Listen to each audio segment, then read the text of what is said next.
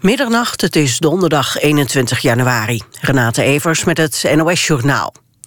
Minister van de Steur heeft een motie van wantrouwen overleefd. De motie van de SP kreeg onder meer steun van de PVV en de Partij voor de Dieren.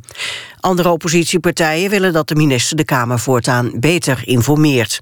Van der Steur had kritiek op een lezing van forensisch expert Maat over MH17-slachtoffers en zette hem uit het onderzoeksteam. Later bleek uit een rapport dat de hoogleraar geen fouten had gemaakt. De oppositie vindt dat Van der Steur veel te laat excuses aan Maat heeft aangeboden.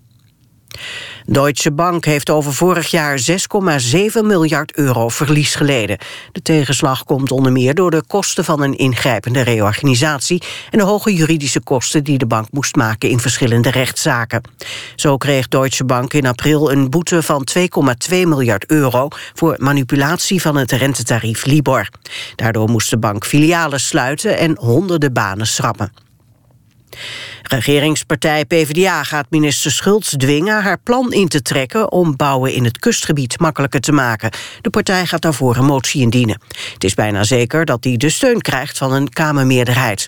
Een groot deel van de oppositie is ook tegen versoepeling van de regels om aan de kust en in de duinen te bouwen. Op Ameland zijn gisteren twee gestreepte dolfijnen aangespoeld. De dieren, die al dood waren, werden gevonden door wandelaars. Gestreepte dolfijnen worden in de Noordzee maar heel af en toe gezien. Meestal blijven ze in warmere wateren. De dolfijnen zijn naar de Universiteit Utrecht gebracht... en daar wordt onderzocht waardoor ze zijn overleden. Het weer, lokaal kan het glad zijn door aanvriezende mist. Het koelt af naar min 8 in het noordoosten tot plus 1 aan zee. Overdag eerst grijs, maar in de middag ook af en toe zon. Het wordt min 2 tot plus 3 graden. Dit was het NOS Journaal. NPO Radio 1. VPRO. Nooit meer slapen.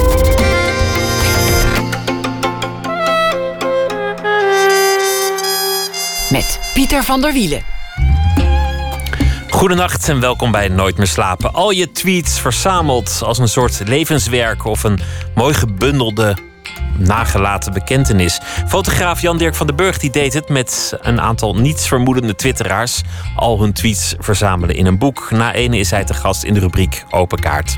Aandacht dan ook voor de film The Big Short. Een film over mensen die speculeren omdat ze de kredietcrisis zagen aankomen en dachten er rijk van te kunnen worden. Maar we beginnen met Catharine van Kampen. Garage 2.0 is de titel van een documentaire. Die ging al in première op het ITVA Festival afgelopen najaar. Maandag zal die op televisie te zien zijn over een autobedrijf, een familiebedrijf dat in zware tijden overeind probeert te blijven. Catharine van Kampen, 1970 geboren, is documentairemaker, won vele prijzen voor haar documentaires. Vooral haar film Anne Vliegt was een groot internationaal succes, op heel veel festivals over de hele wereld vertoond. Dat gaat over een meisje dat uh, probeert uh, het leven te leven terwijl ze lijdt aan het syndroom Gilles de la Tourette. Een andere film die ze maakte heet Drona en ik, over een autistisch jongetje dat droomt van een carrière als buschauffeur. En ze maakte ook een film met de titel Jones Boys over een hulpverleenster die probeert om jongeren van het slechte pad af te houden, ook al gaat het soms ten koste van haar eigen bestaan. Catharine van Kampen, hartelijk welkom. Dank.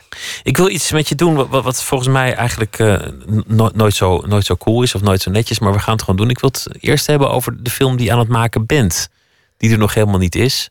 Waar nog, nog geen titel voor is. Waar geen titel voor is. Waarvan misschien ook een beetje geheim is dat je hem aan het maken bent. Waarvan de producent vast zegt: zwijg er nou maar over tot, tot je hem gemonteerd hebt. Maar het onderwerp is zo actueel en zo brandend. Want je bent bezig met een film over een vluchtelingenkamp in Jordanië. Ja, nou, en het is trouwens zo dat uh, het nieuwe produceren van tegenwoordig inhoudt dat je eigenlijk zo vroeg mogelijk moet beginnen met over die film te vertellen. Dus de producent oh, dat mag juist weer wel. is er heel blij mee uh, dat je erover begint. Nee, er is nog geen titel. Um, en begonnen eigenlijk uh, net voordat de enorme stroom vluchtelingen en alle problematiek die daarmee samenhangt op gang kwam. Althans, de research. En dat is het idee wat ik had was om uh, de wereld van zo'n kamp te vertellen aan de hand van vijf kinderen. Vijf kinderen waar het niet slecht mee gaat, maar waar het eigenlijk goed mee gaat en die een eigen bestaan hebben opgebouwd. En dat wilde ik graag doen in een kamp dat al heel snel de contouren van de stad aannam en al uh, nou, twee jaar nadat het werd opgezet, een enorme transformatie uh, aan de gang was van tenten naar containers. Nu wordt er inmiddels riolering aangelegd. Als ons een van de weinige kampen al heel snel elektriciteit, wat ook uh, nog nooit op zo'n grote schaal werd afgetapt. Dus er is nog nooit uh, zoveel elektriciteit verleend in een campus daar. De VN heeft het ook net stopgezet, want de rekening liep op tot, ik geloof, een, miljoen dollar per maand. Dus het, en het, dat kwam omdat het Syriërs waren uit een bepaalde streek van, van Syrië, Derra. Een heel ondernemend volk. En die zijn eigenlijk meteen heel erg aan de gang gegaan om daar hun leven op te bouwen. En de kinderen, veel kinderen daarvan dus ook. Dit is een uh, kamp. Er zijn ook foto's uh, van gemaakt in, in het kader van een project waarbij Magnum-fotografen de kinderen zelf foto's lieten maken van, van hun bestaan. 80.000 mensen wonen er, althans dat was de laatste telling. Ze gaan ja, klopt. Eh, volgens de prognoses langzaamaan richting 100.000. Dus dan, dan heb je het over een stad. Nu is het Schiedam. En dat, en dat wordt dan, ja, wat zal het zijn? Uh, Leiden, denk ik. Ja. Een, een, een, echte flinke stad. Ja. Tijdelijk bedoeld, maar inmiddels, als er riolering wordt aangelegd, dan, dan legt men zich er toch al bij neer dat die mensen daar een groot deel van het leven zullen slijten. Ja, precies. En mensen kunnen niet terug. En 80% toen ik begon was kind. Dat vond ik er ook heel fascinerend aan. Er zijn ongelooflijk veel kinderen. En uh, het is wel zo dat dat, uh, het kamp is gesloten. Er kunnen geen nieuwe mensen meer bij. De grenzen zijn ook potdicht tussen Jordanië en Syrië. Dus het ligt ook echt 10 kilometer van de grens met uh, Syrië. Wat het nog best spannend maakte toen wij gingen draaien. Of dat nog veilig was. Omdat je natuurlijk als, journalist ook ja, uh, een interessante prooi bent bijna voor IS-achtige figuren. Maar dat, het is volkomen veilig. Maar de mensen gaan niet meer, mogen er niet meer in. En het kamp loopt een heel klein beetje leeg... in de zin dat mensen toch kiezen voor liever de illegaliteit in, in Jordanië... dan dat ze daar ook ja, aanvoelen van hier komen we niet meer weg. De uitzichtloosheid die, die is toch uiteindelijk erger dan, dan de, de onveiligheid... of, of het, het zwerven in de illegaliteit. Hoe begint zo'n idee als, als documentairemaker? Wat, wat is het dan waardoor jij denkt: oké, hier ga ik heel veel tijd in investeren. En, en hier heb ik een verhaal te maken dat ik wil gaan filmen. Weet je nog wat dat moment was? Um, ik weet, bij deze film is het lastig. Ik had wel. Met, uh, het uitgangspunt was wel hierbij al vrij snel van zou het lukken om juist over zo'n onderwerp iets te maken wat wegblijft van de politiek is bijna onmogelijk. Want het zijn vluchtelingen en dan heb je te maken met oorlogsverhalen, standpunten. En ik geloof dat dat een vertrekpunt was. Zou je zo'n kamp kunnen laten zien, helemaal van binnenuit, zonder dat het heel zwaar politiek wordt of heel dramatisch wordt? En, en dat, kan, of dat dacht ik toen, dat zou kunnen als je dat via de wereld van kinderen doet. Dat was de eerste gedachte nadat ik. Want er was toen destijds ook al veel uh, in de media te lezen over dit kamp. En de wereld van de kinderen, want dat is eigenlijk iets wat, wat jouw specialiteit min of meer is geworden. Je hebt een aantal films gemaakt die als onderwerp een kind hadden. Dat, dat is een heel aparte kunst, daar komen we straks nog over te spreken. Dus dat zou jou ook liggen om dan juist de kinderen te portretteren in zo'n kamp. Ja, dat is absoluut waar. Want ik heb wel gemerkt door de jeugddocumentaires die ik heb gemaakt, waar kinderen centraal in staan, dat, dat, nou ja, dat ik daar een goede match mee heb. Uh, ja, dus ik denk dat ik vandaar ook uitkwam bij kinderen. Hoe is het om op te groeien in zo'n kamp? Om, om eh, de vormende jaren van je leven, en, en, en de tijd gaat, doet er ook meer toe als je jong bent. Zeven jaar voor een kind is meer dan zeven jaar voor een man van middelbare leeftijd. Hoe is het om daar op te groeien? Ja, de meeste zitten er nu, uh, ook die we volgen, volgen vijf kinderen. We hebben heel diverse kinderen gezocht. Dus we hebben een, uh, een beetje tegen het cliché leunende arme jongetje... die, omdat zijn vader mank is, moet werken en snoepjes verkoopt. Maar het is een heel interessant jongetje waar je heel veel aan ziet. Echt een jongetje met een oude ziel, lijkt het al. Tot en met een ander jongetje die heel verwend is. In het, uh, ja, een hele rijke ouders had in het kamp. Dus vijf fietsen heeft en uh, de hele dag een beetje lanterfant is. En zijn opa heeft een soort geheim zwembad gemaakt... in de, in de containers waar, waar die wonen. En nog nou ja, drie heel verschillende meisjes. En eh, wat ik ook, de reden waarom ik het via kinderen wilde laten zien... is dat je merkt dat ouders eigenlijk constant in nostalgie en het verleden leven nog. Dus die zijn daar wel, maar je ziet dan alles dat, dat een deel van hen qua gedachten nog heel erg daar is waar ze het liefst willen zijn. En kinderen vergeten het ook. Dus er is één meisje die in het kamp nu veel meer kan doen dan ze ooit thuis in Syrië had kunnen doen. Want dat, die komt uit een, het is een vrij conservatieve streek waar ze vandaan komen. Die meisjes hebben niet veel mogelijkheden qua carrière of, of opleiding of dat soort dingen. En dit meisje, ja, dat is echt een heel erg ambitieus meisje. En die shopt door het hele kamp heen. Dus die heeft al uh, graffiti tekenen gedaan op uh, muren. Wat ze natuurlijk normaal nooit zou doen. Circus, uh, een soort circusopleiding. Ze zit op voetbal.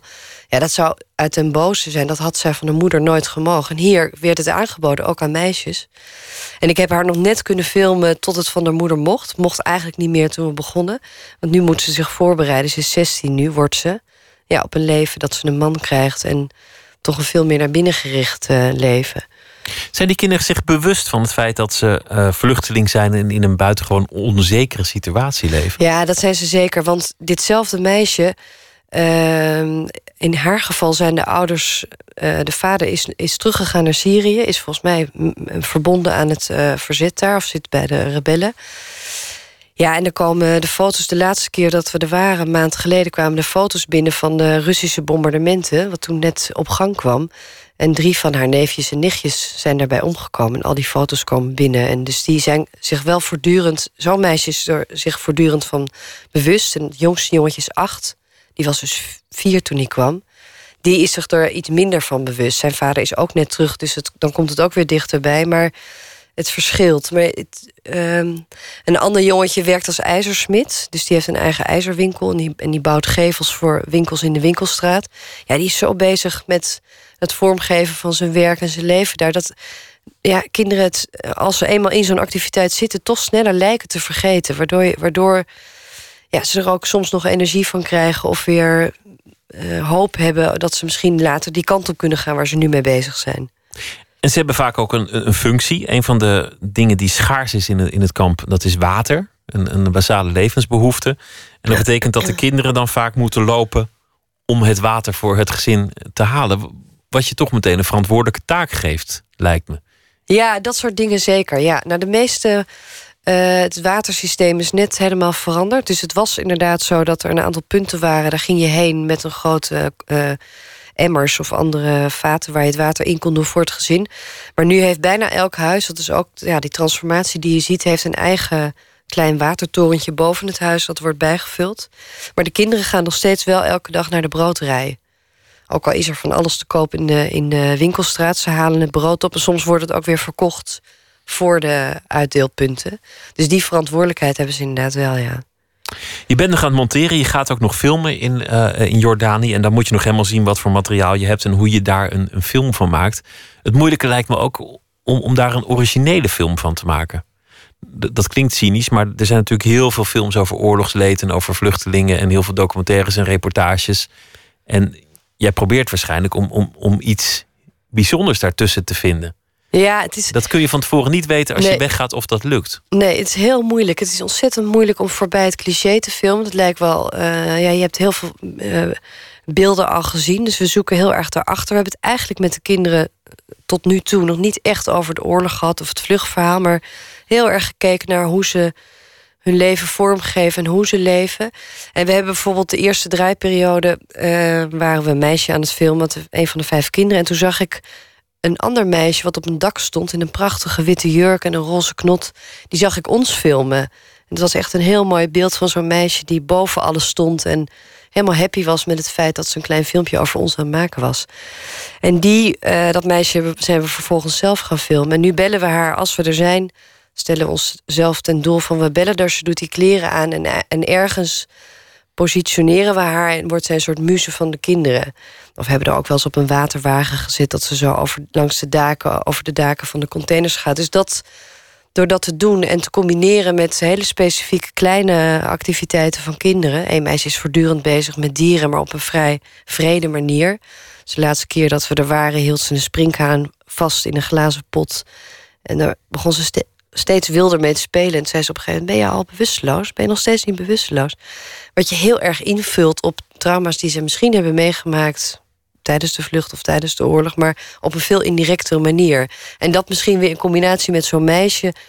hopelijk gaat het er dan anders en uitzien dan je al gezien hebt. En wat bij uh, is bijgebleven van, van vrijwel al je voorgaande films... is dat het vaak visueel heel mooi gemaakt is. Dat, dat je heel erg oog hebt voor een, een klein moment dat dan een vrij grote scène in de film kan worden, waardoor het ook echt cinema wordt. Wat je maakt. Dus dat zal hier ongetwijfeld ook het uh, geval zijn. Ja, het is wel heel moeilijk. Want uh, ja, ik probeer altijd wel scènes te creëren. Dus in plaats van dat ik aan kinderen of volwassenen vraag van goh, hoe zou je jezelf omschrijven of typeren of hoe ben je zus of zo vind ik het mooi om het te laten zien in de scène die zich afspeelt. Dat lukt in Nederland natuurlijk veel makkelijker dan daar. Want er staan, als we aankomen, al 50 kinderen om ons heen die allemaal gaan zwaaien in de camera. Dus het is een stuk moeilijker, maar ik probeer het wel weer op die manier te doen. Ja. We gaan het hebben over de film uh, waarvoor je gekomen bent. Maandag op televisie is al uh, vertoond op het ITVA-festival, Garage 2.0. Het is uh, crisis, zeker in de autobranche was dat voelbaar. En een familiebedrijf dat al decennia in het vak zit, probeert iedereen net een tandje harder te laten lopen. En jij, jij hebt daar een film over gemaakt. Hoe begon dat idee? Wanneer dacht je, goh, een, een garage, dat, dat is nou echt een onderwerp voor een film? Ja, dat was een langer verhaal. Want ik had het met uh, mijn producent Joost Zelen van Zuiderwind Filmproducties al langer gehad over de uh, autoverkoopschool. Dus er is een school in Nederland in Driebergen en daar, gaan, daar kun je leren uh, om autoverkoper te worden. En dat vonden wij allebei wel een fascinerend gegeven. Er is dus een school waar je precies, waarvan ik dacht dat het alle trucs zijn, alle trucs leert om mensen een auto te verkopen. Dus dat was, hadden we ooit eens uh, ja, met elkaar over gesproken. Want zo ga ik vaak met hem te werk. We, hebben allerlei ideetjes en daar praten we dan wat langer over. En toen ben ik zelf. Uh, eigenlijk in de uh, woonplaats waar ik ben opgegroeid, hier in Naarden, bij toeval op een garage gestuurd, een familiebedrijf. Die echt high-end auto's verkochten. Dus de mooiste van Bentleys, uh, Porsches. Uh, je kan het zo gek niet verzinnen.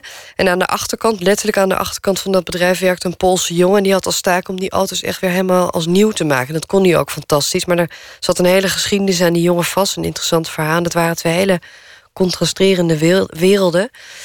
En samengevoegd met dat oude ideetje eh, heb ik de producent gebeld. Ik zei, nou, ik ben nou ergens geweest. En die vond, was meteen enthousiast, want dat was midden in de periode dat het slecht ging in Nederland.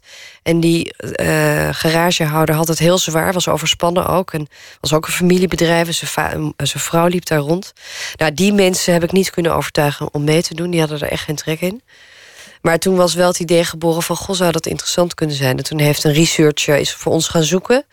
En kwam onder andere met dit bedrijf langs. En hiervan dacht ik meteen van ja, dat uh, Kooiman in Vianen zou fantastisch kunnen zijn. Omdat het niet alleen een auto, een, een, uh, een showroom had met, met auto's. Maar er was ook een, uh, een loods naast waar de broer, de andere broer van dat bedrijf, een sleepdienst had. Dus wrakken van de weg haalde. Dus ook weer een voordeur en een achterdeur. Precies, namelijk ja. de voordeur waar de, de gloednieuwe exemplaren door een getrainde verkoper het bedrijf verlaten en de achterdeur waar ze in de prak gereden in, de, in het kwaadste geval weer terugkomen. Met soms uh, dramatische verhalen. Iedereen moet wat beter zijn best doen, want het is crisis. De concurrentie neemt toe. En dus uh, gaat de bevlogen ondernemer ook functioneringsgesprekken houden. Er wordt ook zo'n cursus waar je aan refereerde uh, gegeven. En iedereen krijgt ook in vrij directe termen te horen of het goed gaat of niet. We gaan even luisteren naar uh, een, een, aantal functioneringsgesprekken. De, de scène is wat langer in de film, maar we hebben een kort stuk geselecteerd van, van hoe dat eraan toe gaat. Welkom. Het wordt weer de tijd voor een functioneringsgesprek. Zo is het. Qua verkoop gaat het wat minder. Ja. Nou is het natuurlijk landelijk dat het overal iets minder gaat. Mm -hmm. Wij hebben er over het algemeen nog niet heel veel last van. Um, maar je ziet aan jouw verkoopaantallen dat je er wel last van hebt. De eerste drie maanden van het jaar scoorde je rond de 9 à 10 auto's per maand. Maar nu zie je het afzwakken naar 6, 7 in de maand, de laatste drie maanden. Ja. Ik ben altijd even benieuwd hoe vind je zelf nu dat het gaat. Ik kan het al raaien, maar ik wil het van jezelf horen. Op dit moment vind ik het niet zo, uh, zo super. Gaat niet zo goed, nee. hè? Nee. nee. Wij zien jou met name uh, uh, in een soort neerwaartse spiraal. Ja. Ook met je persoonlijkheid. Dat klopt. Zelf. Ja. Een van de medewerkers die, die heeft een, een, persoonlijk probleem. Die, die vertelt ook over huilbuien en, en hoe slecht het gaat. Dan wordt het ook een heel menselijk film. Je, je bent overal bij geweest. Ook als, als iemand zit te huilen tijdens het functioneringsgesprek. Ook als uh, de moeilijke problemen met de baas worden overlegd. Alles mocht je filmen. Hoe, hoe krijg je dat voor elkaar? Nou, dat is wel te danken aan uh, een lange researchperiode die er is geweest. Dus dat lukt ook echt alleen, maar je kan niet binnenkomen bij een bedrijf... en op dezelfde dag dat die gesprekken zijn, dat uh, vragen. Want dat lukt natuurlijk nooit. Dus ik heb eerst lang met Gert meegelopen. Echt op, het, op dat niveau ook, dus langs alle vestigingen. Want het is een groter bedrijf dan dat je in de film ziet. Dus ook bij het managementoverleg gezeten, de, vest, uh, de, de filialen langs... Uh, en de verkoopleiders dan weer. Maar ook uh, tegelijkertijd op andere dagen echt bij de monteurs gezeten... bij de sleepdienst, bij de receptie... waar deze vrouw die je net hoorde zit. En bij de verkoop. Ja, en ja, eigenlijk gedaan wat ik altijd doe. Contact maken en die mensen een miljoen vragen stellen... over wat ze van hun werk vinden... Uh, waar ik ook echt wel oprecht nieuwsgierig naar ben. En gezegd, ik wil zo graag een bedrijf maken... waarbij je alles ziet. Dus ook over de schoonmakers, over jullie... En ze hadden ze waren sceptisch van, nou, dat gaat je niet lukken, want uh, hij laat het toch niet zien, zeiden ze dan. Van hij laat, je krijgt het toch niet te zien hoe hij het doet.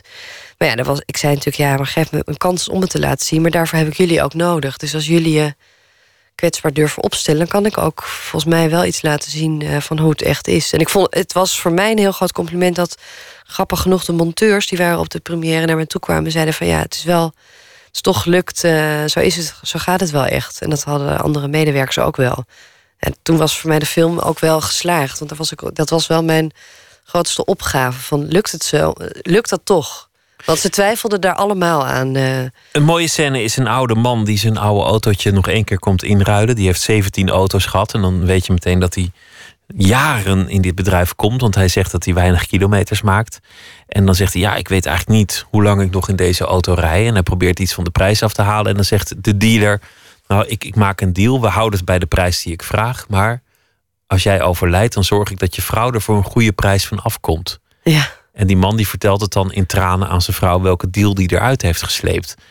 Ineens gaat het helemaal niet meer over auto's. Nee, nee, dat, het gaat over, gaat over uh, heel andere dingen. Ik, en ik had dit ook in de opnames nooit uh, zien, uh, zien aankomen. En door deze klant, die oudere klant die daar echt al twintig jaar kwam, voel je ook dat zo'n bedrijf ook een andere functie heeft. Want deze koor die kwam daar elke zaterdag zat hij bij de pomp uh, zijn krantje te lezen. Kent echt het hele bedrijf. Dus zo'n familiebedrijf trekt het ook aan dat er ook op een hele fami familiaire wijze met de klanten werd omgegaan. En toch ook uh, zaken worden gedaan. Je was oorspronkelijk radiomaker. Je eerste film ging over iemand die een, grote droom had, namelijk uh, verloren gaande groenten, zeldzame groenten, door te kweken. Maar hij had het bedrijf in de steek gelaten en zijn droom om naar Zweden te gaan. En jij filmde dat, maar je deed het nog heel erg als radio. Met, met prachtige beelden, maar de man zelf kwam niet of nauwelijks in beeld. Het was alleen maar gesproken woord. In, in latere films, je hebt een portret gemaakt van een kunstenaar die, die door geweld geobsedeerd is. Een hele gewelddadige tafereel in Sierra Leone filmt. Daar interview je nog. Daar zie je nog die man voor de camera zitten en vertellen over zijn kunst. En je hoort jou ook vragen stellen.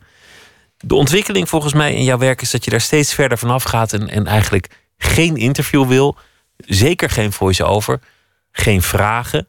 Alles moet gewoon gebeuren. Alsof er nooit een cameraman is geweest, alsof er nooit een documentairemaker bij was. Het verhaal moet helemaal uit, uit het materiaal komen. Zie je dat zelf ook als de ontwikkeling in je werk? Nou, eh, ik zou het wel willen, want dat vind ik wel de mooiste vorm. Ehm, maar er zitten soms ook hele praktische dingen bij. Kijk, die groenteman waar je mee begon, dat was echt een figuur letterlijk met uh, grijze sokken aan. En waarvan over zo'n onderwerp, over zeldzame groenten en een man die op een akker stond en dat in stand wilde houden, als je die ook laat zien op die akker, ja, dan, dan haken mensen af. Ik haakte zelf ook af toen ik er kwam. Dus mijn idee was, eigenlijk moet je die man misschien niet zien, maar verbeelden in zijn groenten. Dus dat was eigenlijk de reden waarvan iedereen zei... dat kan niet en dan, je wil hem toch zien. Maar ik zei, nou, ik ga het toch proberen. Want ik weet dat je afhaakt als je hem ziet. Dus die, die man was gewoon vervangen voor de, de tomaat... waar die zo naar op zoek was? Of de maar uh, levensgroot... Uh, ik heb die, uh, ik, mijn voornemen was, ik maak een film over groenten... zonder dat je een moestuin ziet. Omdat ik gewoon mensen anders wilde laten kijken. Dus je ziet een aantal van die zeldzame groenten... heel mooi uitgelicht in de studio, gefilmd... als een soort exceptioneel dure juwelen. En daaronder hoor je zijn stem... Nou, dat, eh, dat levert natuurlijk een hoop kritiek op. Want mensen zeiden, ja, dat, ik wil hem toch zien. En sommige mensen vonden het geslaagd. Maar het was eigenlijk een beperking die die vormkeuze... of een, eh, ja, een, iets praktisch wat die vormkeuze ook uh, oh ja, ik bepaald heb heeft. Ik heb het geïnterpreteerd als, als, als radio, omdat, omdat het heel erg... Ja, wat ik wel snap, in de audio want het was zat. ook mijn eerste, zeker. Het was ook mijn, en het was ook nog veel uh, offscreen tekst, inderdaad. En bij Ronald Ophuis, een film over de beeldend kunstenaar Ronald Ophuis... daar wilde ik het heel graag, toen al, uh, alleen scènes. Maar dit was, je zag helemaal niks aan hem. Dus we, we hebben van alles gefilmd. Maar je bleef je afvragen wie is hij en waarom doet hij het. Dus ik heb tot het laatste het uitgesteld. En ja, uiteindelijk alleen maar de vraag gezegd... Ronald, waar gaat je werk over? Waar die vervolgens een minuut. Want, want hij, hij reist veel door Sierra Leone, waar hij gruwelijke verhalen hoort. Bijvoorbeeld kindsoldaten die, die tijdens de oorlog die daar woeden. Uh, aan elkaar vroegen: jongetje of een meisje als een zwangere vrouw zagen langslopen. En dan, dan sneden ze die buik open om te kijken wat er in die buik zat. Of dat een jongetje of een meisje was. Gruwelijk verhaal. En hij verbeeldt dat. Hij, hij speelt dat na in zijn fotostudio om dat na te schilderen. Om daar hele angstaanjagende, gruwelijke doeken van te maken. Dat, dat is zijn, zijn stijl geworden in, in, in de kunst. En de, de vraag die dan inderdaad naar boven komt is: waarom? Waarom Ja. houd je dat bezig? Ja, en daar kom je eigenlijk slecht uit. Want je, wilt daar, je voelt er al heel snel een oordeel bij. Maar wat eh, voor mij dat werk interessant maakt, is zijn terechte punt van waarom is dat in de oorlogsfotografie wel ge- geaccepteerd? Dat we dus hele, soms hele heftige beelden laten zien. Die men- mensen aan het denken moet zetten over de wereld. En waarom mag ik daar geen schilderijen van maken? Dus hij heeft over allerlei oorlogssituaties ehm, eh, schilderijen gemaakt met ook die vraag als uitgangspunt. Maar je ontkomt, ik dacht, het, eh, als ik dat laat zien is dat misschien voldoende, maar je ontkomt bij hem niet aan de vraag toch waarom en wat fascineert jou daaraan. En ik was in dit geval blij met het interview, omdat hij wel heel eerlijk eh, vertelde over zijn eigen. Nou, eh, fascinatie is een veel te groot woord, maar over zijn eigen fantasieën over geweld toen hij nog op de middelbare school zat over leraren.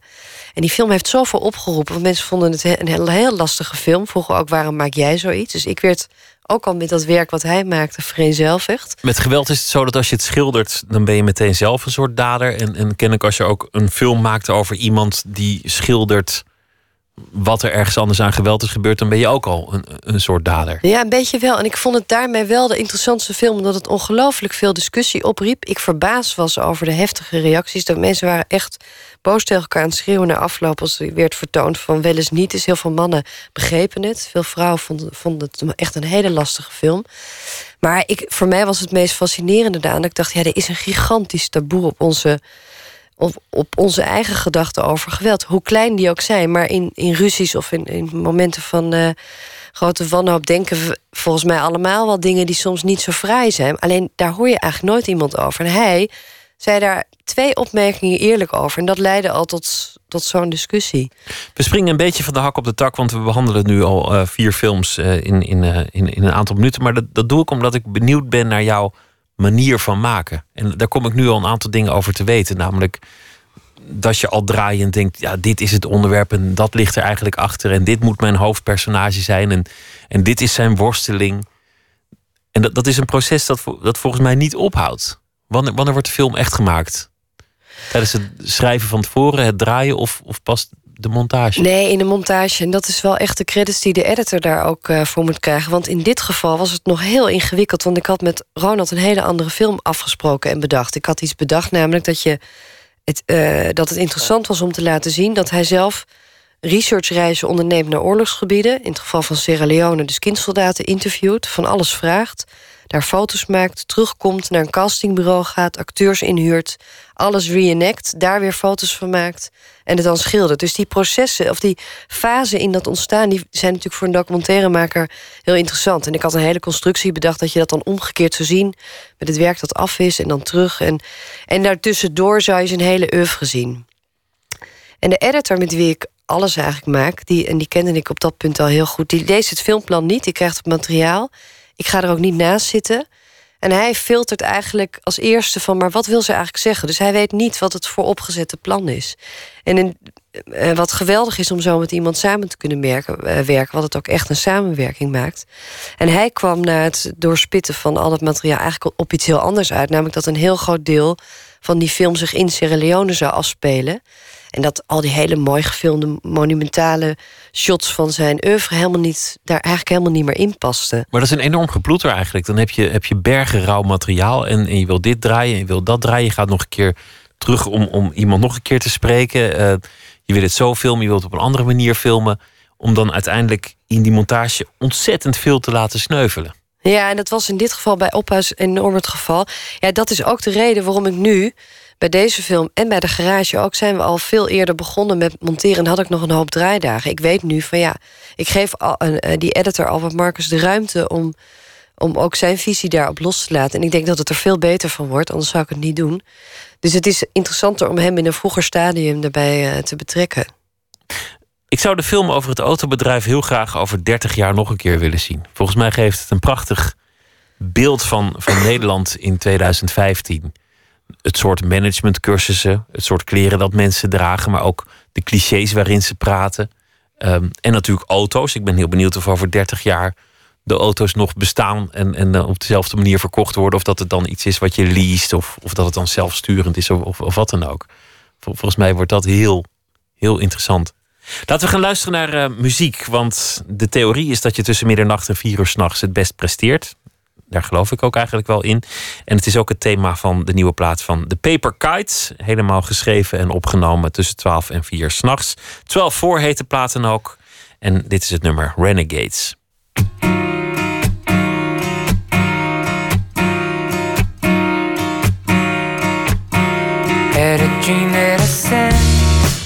For your love morning And you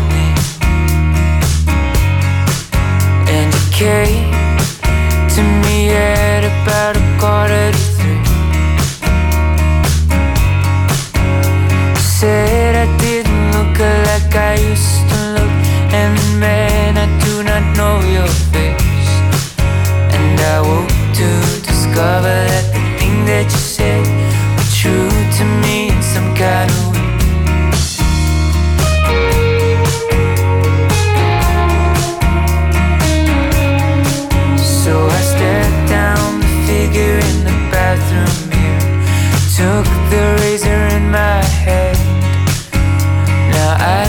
could draw a line or I could cut my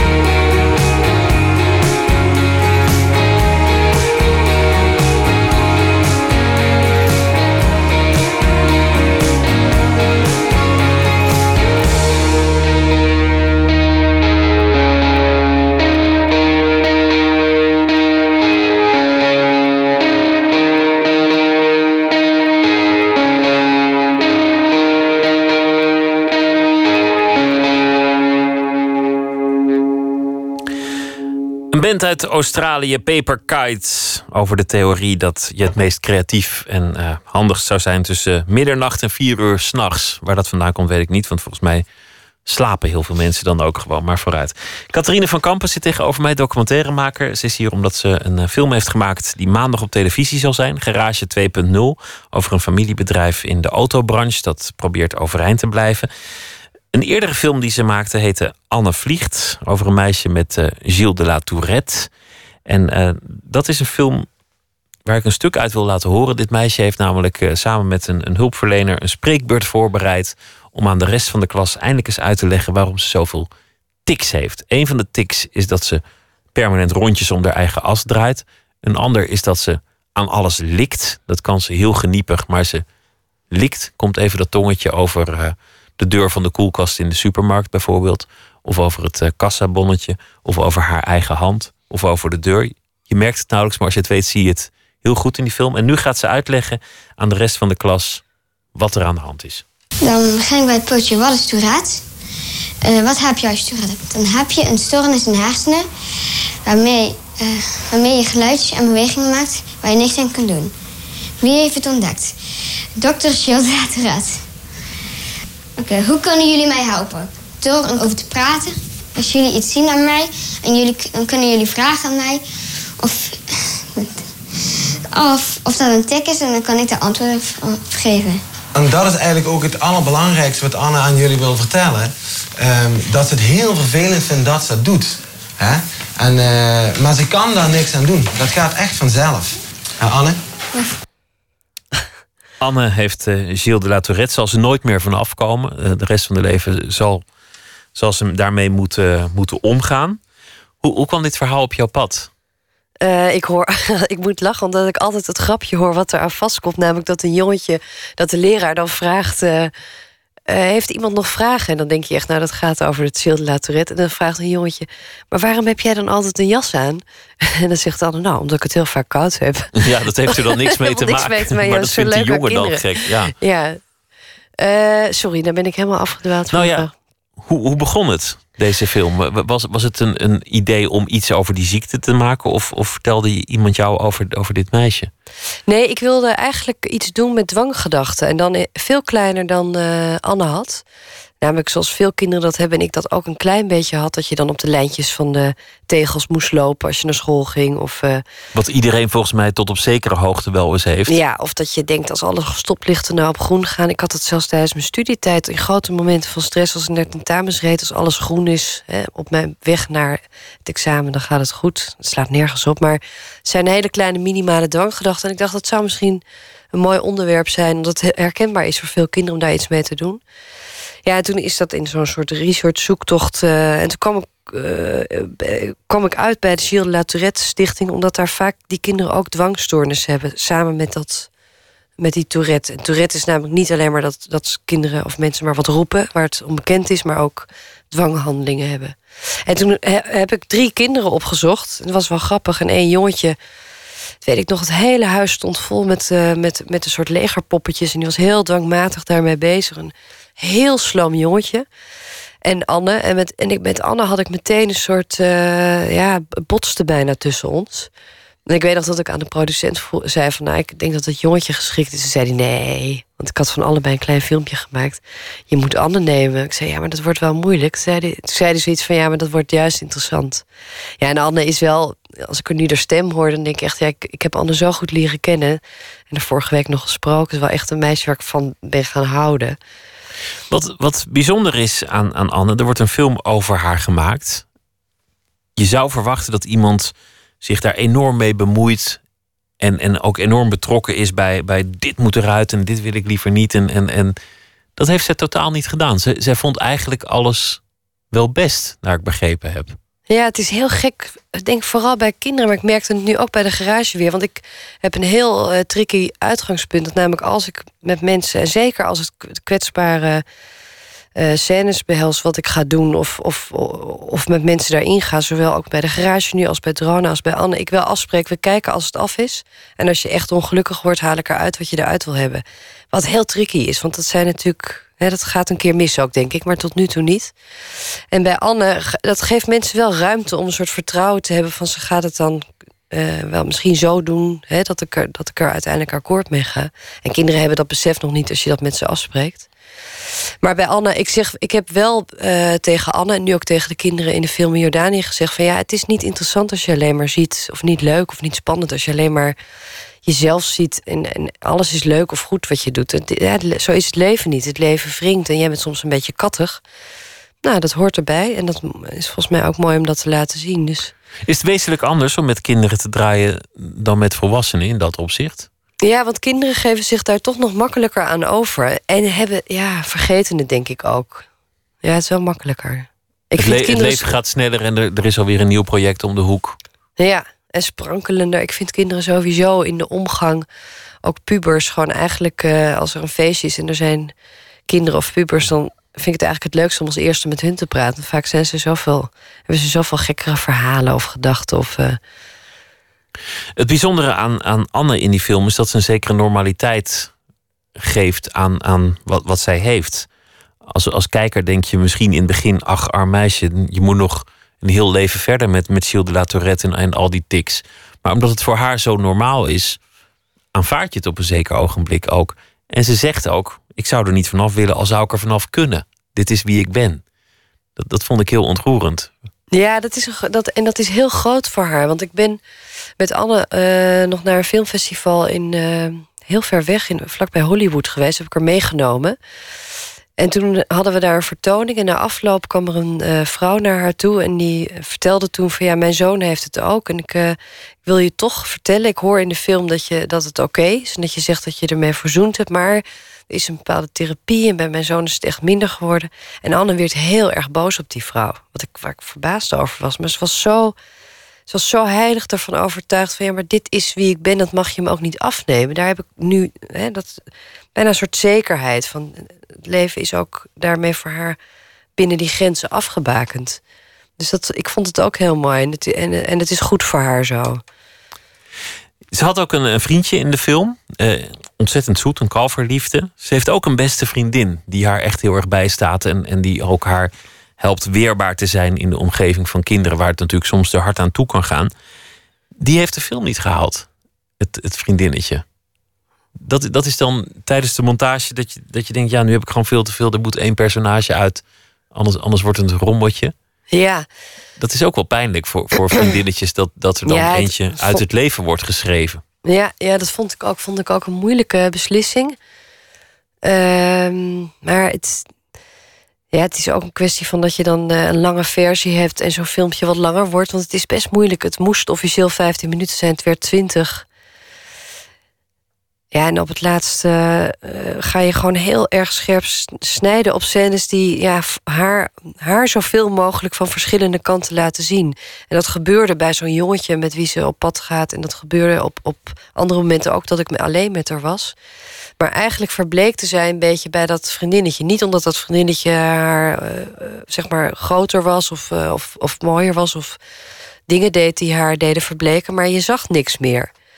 Dus heb ik uiteindelijk toch, ja, dat, dat is dan de afweging gekozen voor scènes ja, waarmee ze, waar, waar je haar het beste kon zien. Ja, en dat heel goed uitgelegd aan dat vriendinnetje, wat ik heel verdrietig vond. En, maar ik had, ik had dat wel vooraf natuurlijk gezegd: van, het kan zijn dat we uiteindelijk het niet gaan gebruiken. De film Drona en ik die lijkt er een beetje op. Dat gaat over een autistisch jongetje die, zoals autisten dat vaak hebben, één hobby heeft en, en één eh, doel in zijn leven en eigenlijk maar met één ding bezig is. En dat zijn stadsbussen. Hij weet alles van bussen, kent alle lijnen uit zijn hoofd en de routes. En hij kent de chauffeurs en hij wil de hele dag in de bus zitten. En dan uh, eigenlijk mag het niet, praat hij met de chauffeur. En dan zegt hij, doe je ook wel eens bus 145? Doe je ook wel eens bus 146? En, en waar woon je zelf en waar stap je dan op? En later wil hij heel graag buschauffeur worden. Toch is het een tragische film ook.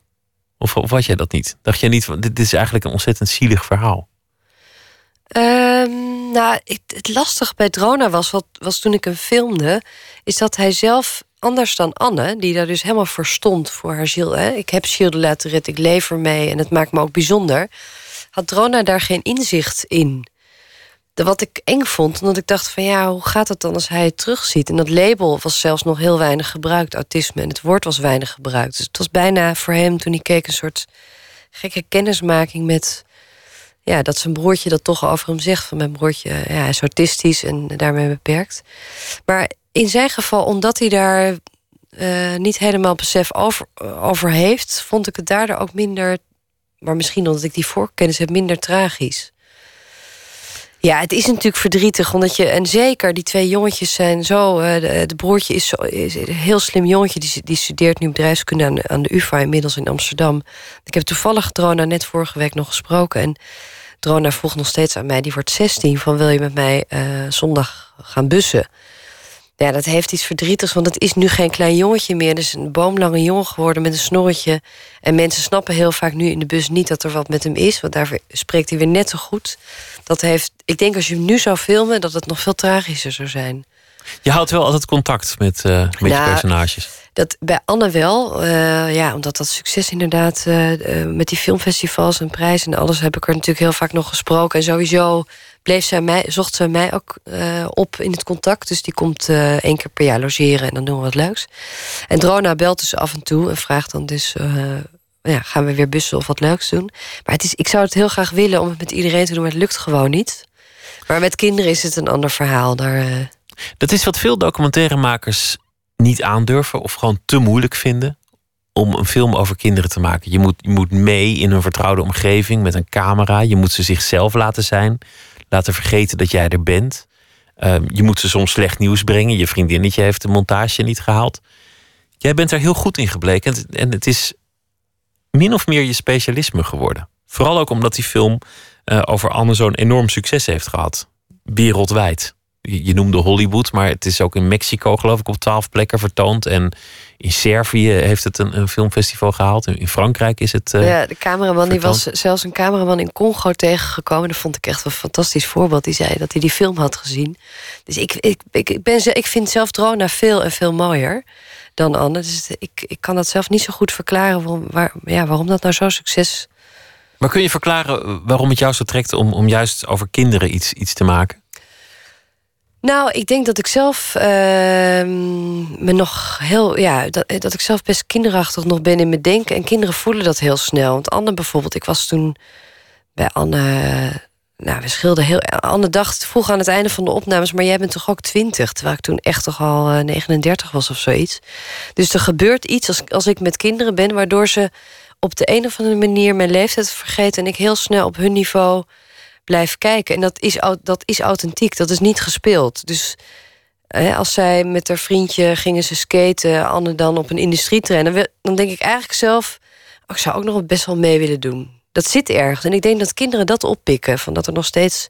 Dat ik het jammer vind dat, je, dat ik dat niet meer ben. Dat ondanks, je dat, je zelf moeder bent geworden, inmiddels ben je, ben je nog niet een mevrouw in de ogen van, van de kinderen. Nee, ik denk dat dat wel iets is wat ze voelen.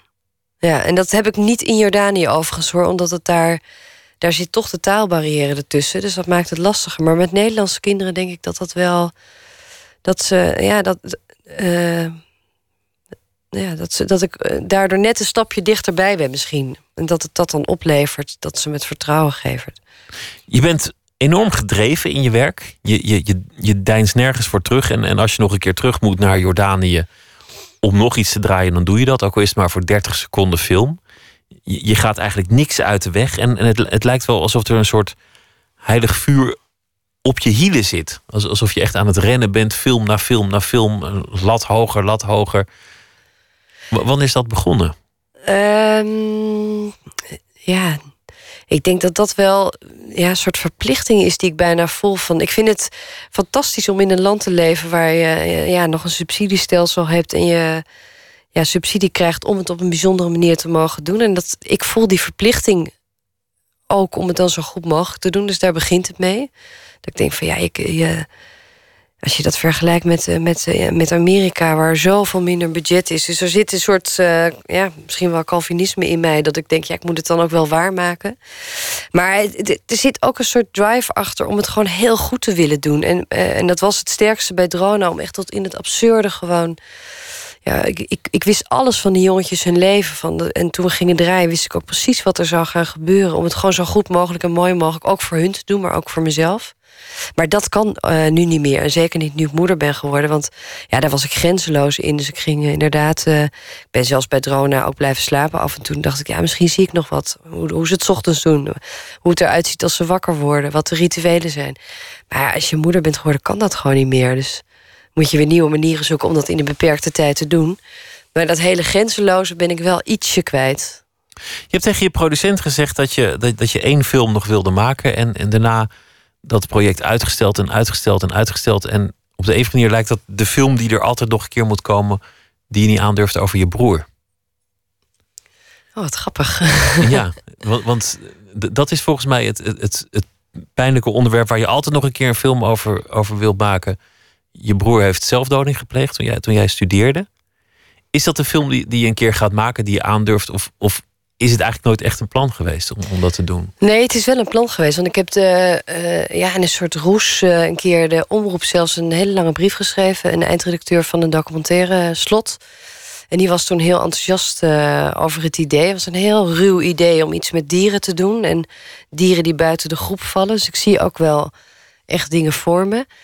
Maar het gekke was dat in de tijd dat dat zo'n beetje heel grof opkwam, er net uh, echt een aantal makers uh, in Nederland met ja, ook plannen in die richting bezig waren. Dus Coco Schrijbers, een documentairemaker, is bezig over een documentaire over de broer die op die manier is omgekomen.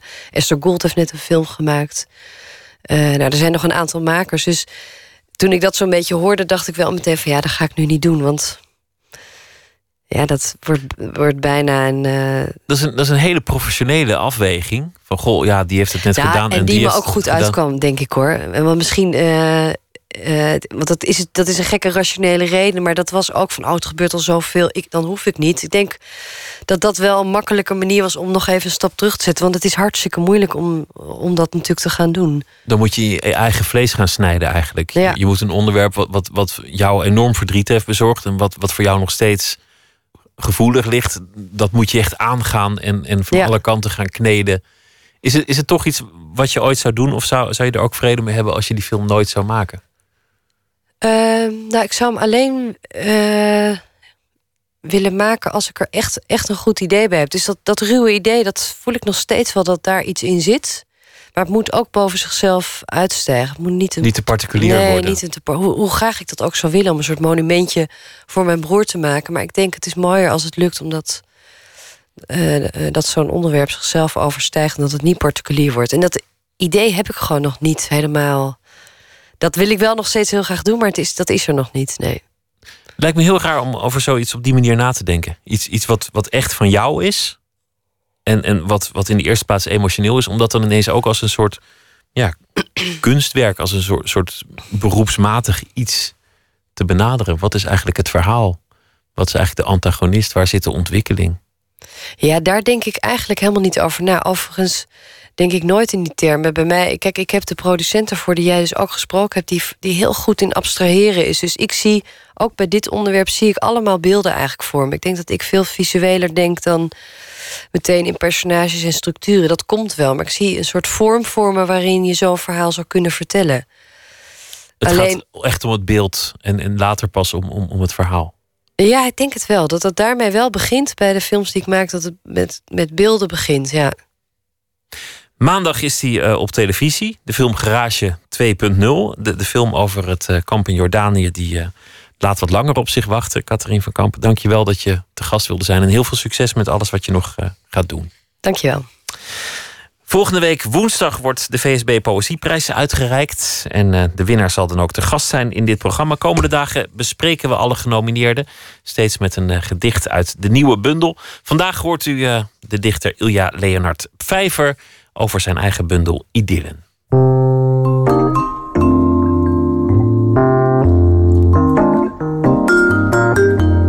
Ik heb eigenlijk nog nooit een meisje ontmoet dat uh, geen moeite had met mijn uh, levensstijl. Dus ik uh, meen mij het recht te kunnen toe-eigenen om het te generaliseren. De liefde. Daarover gaat het gedicht dat Ilja Leonard Pfeiffer leest. Hij hunkert naar haar, maar zij beperkt hem. Want mijn relatie met de liefde is altijd wat ambigu geweest. De liefde wil op tijd naar bed. Misschien had ik te veel van haar verwacht. Voor mij is elke nieuwe nacht een nieuwe nacht... waarin een avontuur uit wanhoop valt te schrapen. De liefde is een zalf. Een dichter mag niet slapen. De liefde vindt dit alles uiterst ongezond. Haar klacht heeft ook een wetenschappelijke grond, citeert de noten van de studies die ik ken. Het valt bij God niet goed te praten hoe ik ben. Als je het gedicht hoort, vraag je je af of het wel samengaat, het dichterschap en de liefde. Nou, je hebt goed geluisterd. Uh, dat is de vraag die het gedicht wil stellen. En uh, dat is een vraag die, uh, die ook in mijn leven vaak op een prangende manier om relevantie heeft gevraagd. Het beeld dat ik altijd van mezelf had geschapen als dichter was het beeld van de compromisloze bohemien. Die avonturen uit de krochten van de nachten schraapt, zoals het in het gedicht staat. En uh, de liefde vindt dit alles uiterst ongezond. Uh, de liefde kan uh, moeilijk omgaan met zo'n soort levensstijl. Maar wie kan er nou zonder de liefde? Ook de dichter niet, blijkt uit het gedicht. Maar toch wil ik de liefde naakt en bang beminnen. De ochtend na de nacht wil ik opnieuw beginnen. Leg al je tieten even in de keukenkast. Ik zal ze morgen heus wel vinden. Houd me vast. Ik heb je nodig, ook al lijkt dat nu niet zo.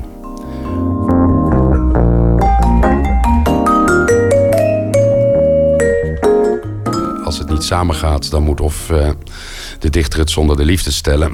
Dat heeft natuurlijk een rijke traditie van allerlei poët maudit. Een erg aantrekkelijke, duistere traditie. Of uh, de dichter zal toch uh, zijn leven moeten veranderen. En dat is misschien de meer verstandige optie. Maar het gedicht laat dit allemaal open. Het gedicht laat eigenlijk de, de wanhoop van de onmogelijkheid zien.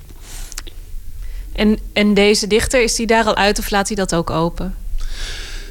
Nou, het is de laatste, het laatste jaar uh, ben ik erg veranderd. Uh, ik heb een uh, grote nieuwe liefde, de liefde van mijn leven ontmoet. nu bijna een jaar geleden. En ik zie dit gedicht nu, als ik het nu voorlees als een historisch document. Dat, uh, ik herinner me dat ik zo was, maar ik ben ook blij dat ik nu niet meer zo ben. Betekent het dan ook iets voor zijn poëzie dat Ilja Leonard Pfeiffer nu anders tegen de liefde aankijkt? Het is uh, het dankbaarste onderwerp voor liefdesgedichten is natuurlijk de ongelukkige liefde en de, de wanhoop die uh, daarbij komt kijken. dat onderwerp kan ik nu niet meer op autobiografische gegevens uh, baseren. Dus dat is wel uh, een zegen voor mij en misschien een vloek voor de poëzie. Je paarden bloeden dood aan drooggevallen bronnen. Je mannen dachten dat de oorlog was gewonnen. Je was een god. De hand die al je wonden heelt, heeft al je zekerheid herschapen naar haar beeld. Ilja Leonard Vijver in een bijdrage van Inge ter Schuren. Zijn bundel Idyllen is een van de vijf genomineerde bundels voor de VSB Poëzieprijs. Aanstaande woensdag wordt die uitgereikt. De jaarlijkse prijs voor de beste Nederlandstalige bundel van het voorgaande jaar. Zometeen in uh, Nooit meer slapen gaan we het hebben over The Big Short. Een uh, prachtige film uit Hollywood over de kredietcrisis. Het gaat over mensen die het zagen aankomen en short gingen op de hele huizensector in de Verenigde Staten. In de hoop natuurlijk rijk te worden. Met een uh, prachtige rol voor onder andere Christian Bale. En we bespreken die film met financieel journalist Roel Jansen. Jan-Dirk van der Burg komt langs. Hij is fotograaf. Hij heeft een Twitter-bundel gemaakt. Een bloemlezing van mensen hun tweets. En uh, hij speelt open kaart. Een uh, kaartenbak vol met vragen die hij hopelijk ook allemaal gaat uh, beantwoorden. En ehm, nog heel veel andere dingen zometeen in Nooit meer slapen. Dus Blijf luisteren. Twitter, het. We zijn ook te volgen via Facebook. En u kunt u zich abonneren op de podcast. Kunt u alles op elk moment van de dag terugluisteren. Tot zometeen.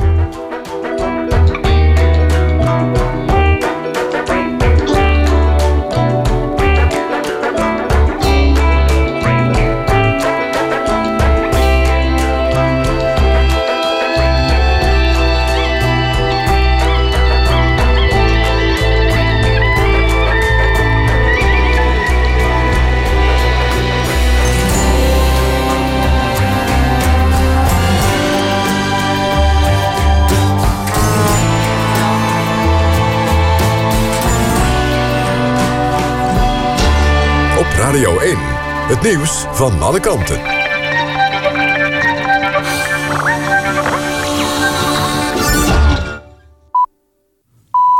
1 uur. Renate Evers met het NOS Journaal. Julian Assange zal binnen een paar dagen worden ondervraagd... over de verkrachtingen in Zweden waarvan hij wordt verdacht.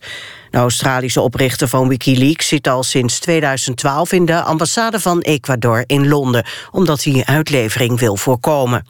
Zweden heeft een vragenlijst voor Assange naar Ecuador gestuurd en volgens president Correa zal Assange binnenkort worden ondervraagd. Assange is bang dat Zweden hem gaat uitleveren aan de VS.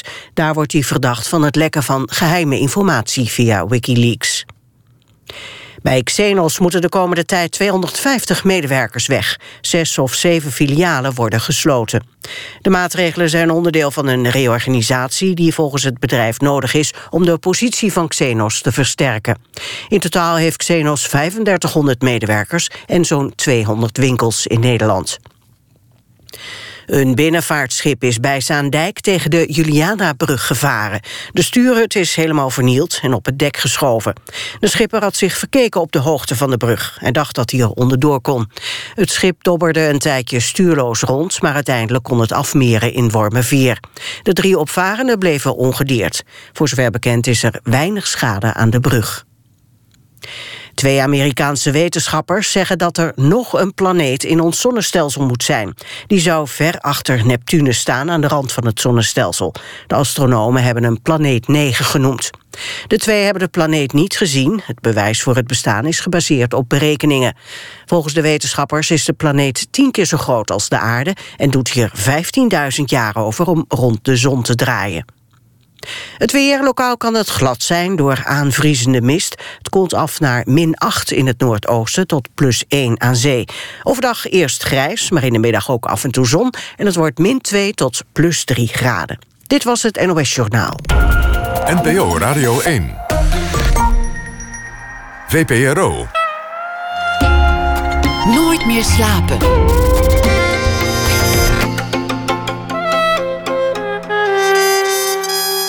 Met Pieter van der Wielen. Straks gaan we het hebben over de film The Big Short. Over het barsten van de Amerikaanse vastgoedzeepbel in 2007. En de kredietcrisis die daarop volgde in 2008. We bespreken de film met financieel-economisch journalist Roel Jansen. Fotograaf Jan Dirk van den Burg komt langs. Hij is expert waar het gaat om olifantenpaadjes. En uitgever van Twitter-bundels.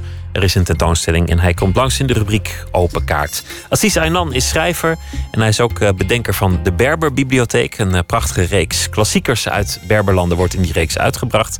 En hij zal deze week elke nacht een verhaal voordragen over de voorbije dag. Assis, goeienacht. Goeienacht, Pieter. Wat heeft je vandaag bezig gehouden? Ehm, wat mij heeft bezig gehouden is een uh, geest die sinds drie koningen door Medialand uh, waard. En welke geest is dat? Keulen. Keulen, juist. Het is een, uh, een verhaal dat inderdaad niet uit de krant weg te vegen is. En, en heel veel blijft toch ook onduidelijk. Wat is er nou precies gebeurd? Wie waren het nou? Hoeveel aangiften zijn er nou? Er is in ieder geval iets gebeurd volgens mij, maar ik ben benieuwd wat jij erover te zeggen hebt. Dat is de geest. Het uh, verhaal heet Middellandse Dode Zee. Het humanistische Haarlem van Frans Hals, Annie Schaft en Godfried Bomans is mijn bakermat. Maar mijn genetische materiaal is afkomstig rondom de Mediterranee. De zee die ik deze zomer heb omgedoopt tot de Dodenzee. Bovenop een heuvel in een bos van olijven in Noord-Afrika werd ik verwekt. Sinds het gedonder in Keulen is de Noord-Afrikaan voortdurend in het nieuws. Omdat Noord-Afrikaanse en Arabisch uitziende mannen, wat het ook mogen betekenen, in de Duitse domstad meisjes hebben betast en bestolen. Sinds, dat, dezelfde, sinds datzelfde Keulen vraag ik me ook af of ik een bruut ben. Want ik ben een man en een Noord-Afrikaan. Natuurlijk verkeer ik in een voortdurend conflict met het vrouwelijke geslacht. Niet omdat ik de vrouw een marginale betekenis toebedeel en daarom seks en spullen van haar eis. Mijn botsing met de vrouw is een andere. De ziekelijke angsten hinderen mij een langdurige relatie aan te gaan. Omdat ik bang ben dat mijn persoon oplost in het zoutzuur van de liefde. En net als in de Middellandse Dode Zee door het niets wordt opgeslokt. Zeker, ik ben belasterd. Maar omdat ik te weinig Noord-Afrikaan en te veel Europeaan ben. De schrijver Joseph Roth schrijft in de roman Vlucht zonder einde over het hoofdpersonage Tunda dat hij een individualist is, omdat hij Europeaan is. Om zich uit te leven had hij ingewikkelde verhoudingen nodig. In deze zin van Roth herken ik en begrijp ik mezelf.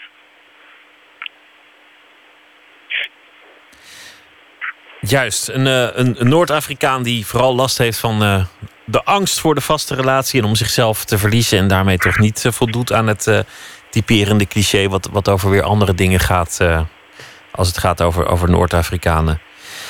Ja, het, ja, ja, Ik, ben een ik ben een Europeaan geworden, joh. Ik ben een individualist. Dat, dat ben ik ook, een individualist. Het zijn ook vaak de leukste mensen, individualisten, wat mij betreft. Kun je ook moeilijke relaties aangaan? Ik heb er altijd wel moeite mee gehad. De laatste tijd lukt het vrij aardig, maar uh, het, is, het is nooit meer forte geweest, moet ik zeggen. Net zoals het dichte net. Juist, precies. Maar ik, ik, nou. hou ook niet, ik hou ook niet van mensen in groepen. Weet je wel, mensen die dan een verhaal vertellen over het weekend en dan zeggen met een mannetje of zes. Weet je wel, alsof, alsof tot een enorm wapenfeit is. En, en volgens mij, wat er in Keulen aan de hand is geweest, dat waren allemaal mensen die, die terugkwamen. Met een mannetje ook... of zes. Precies. Dat, dat waren mensen die zich het liefst schuilhouden in een groep en dan ineens dingen doen die ze anders nooit zouden doen. En, ja, ik, eh, ik, ik, las dat het een mannetje of duizend waren.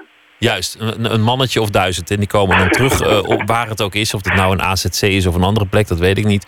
En die zeggen dan, nou, we waren eh, een nieuwjaar vieren met een mannetje of duizend. Nou, en dan, dan, weet je gewoon al dat mensen de individuele moraal laten varen.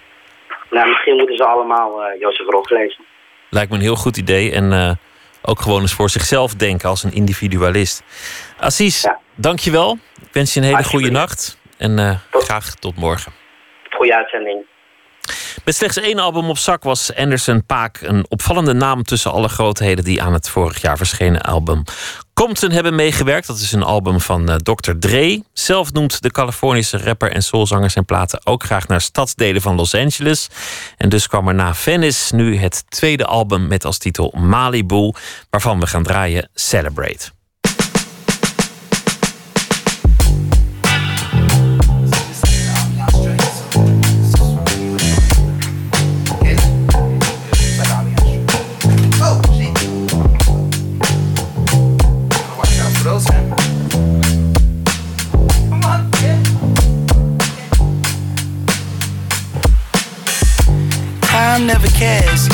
If you're there or not there. All you ever needed was a simple plan. But you're doing well, I mean, you're not dead. So let's celebrate while we still can. I know what they say, I could give a care. They talk so much on me, I must be doing something right. I saw my son today in the likeness of a full grown man. So I'll celebrate while I still can. Ooh, on a day day, you can see West LA, even downtown. I remember when I couldn't even see the point of stepping out the motherfucking house. Let it go, let it go, let it go, let it go, let it go, let it go, let it go. Let it go. Let it go.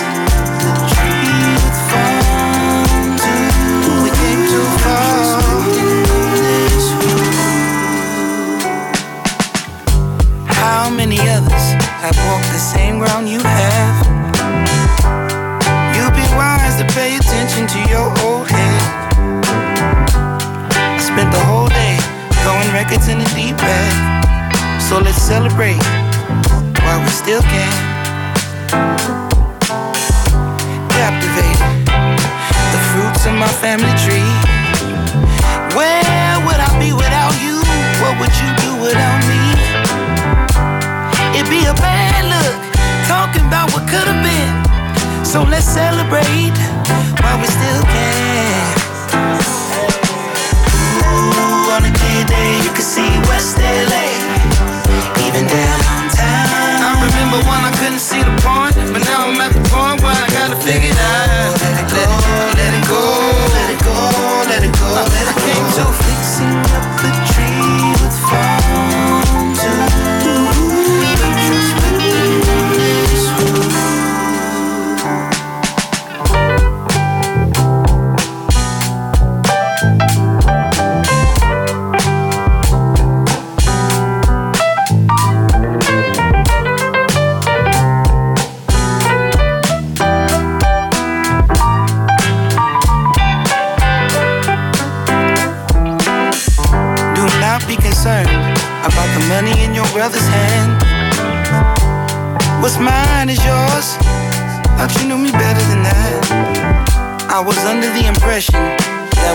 want the best of life.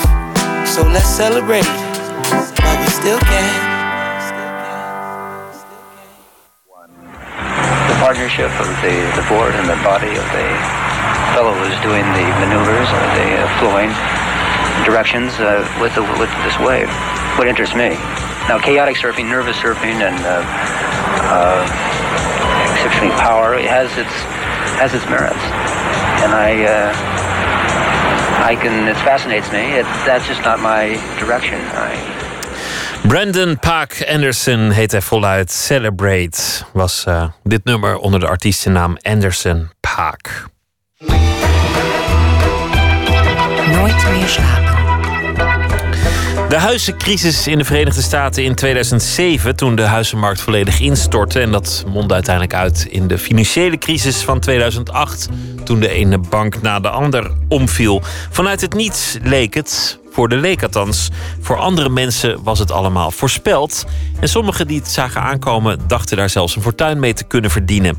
Daarover gaat de film The Big Short, genomineerd voor vijf Oscars, waaronder die voor beste film. Het gaat over dat groepje mensen die speculeerden over de aanstaande crisis. Gespeeld door eh, topacteurs Christian Bale en Steve Carell. Floortje Smit bespreekt de film met een financieel-economisch journalist, namelijk Roel Jansen. Was een soort kaartenhuis. Michael, how are you? I found something really interesting. We moesten een keer in elkaar storten. The whole housing market is propped up on these bad loans. They will fail.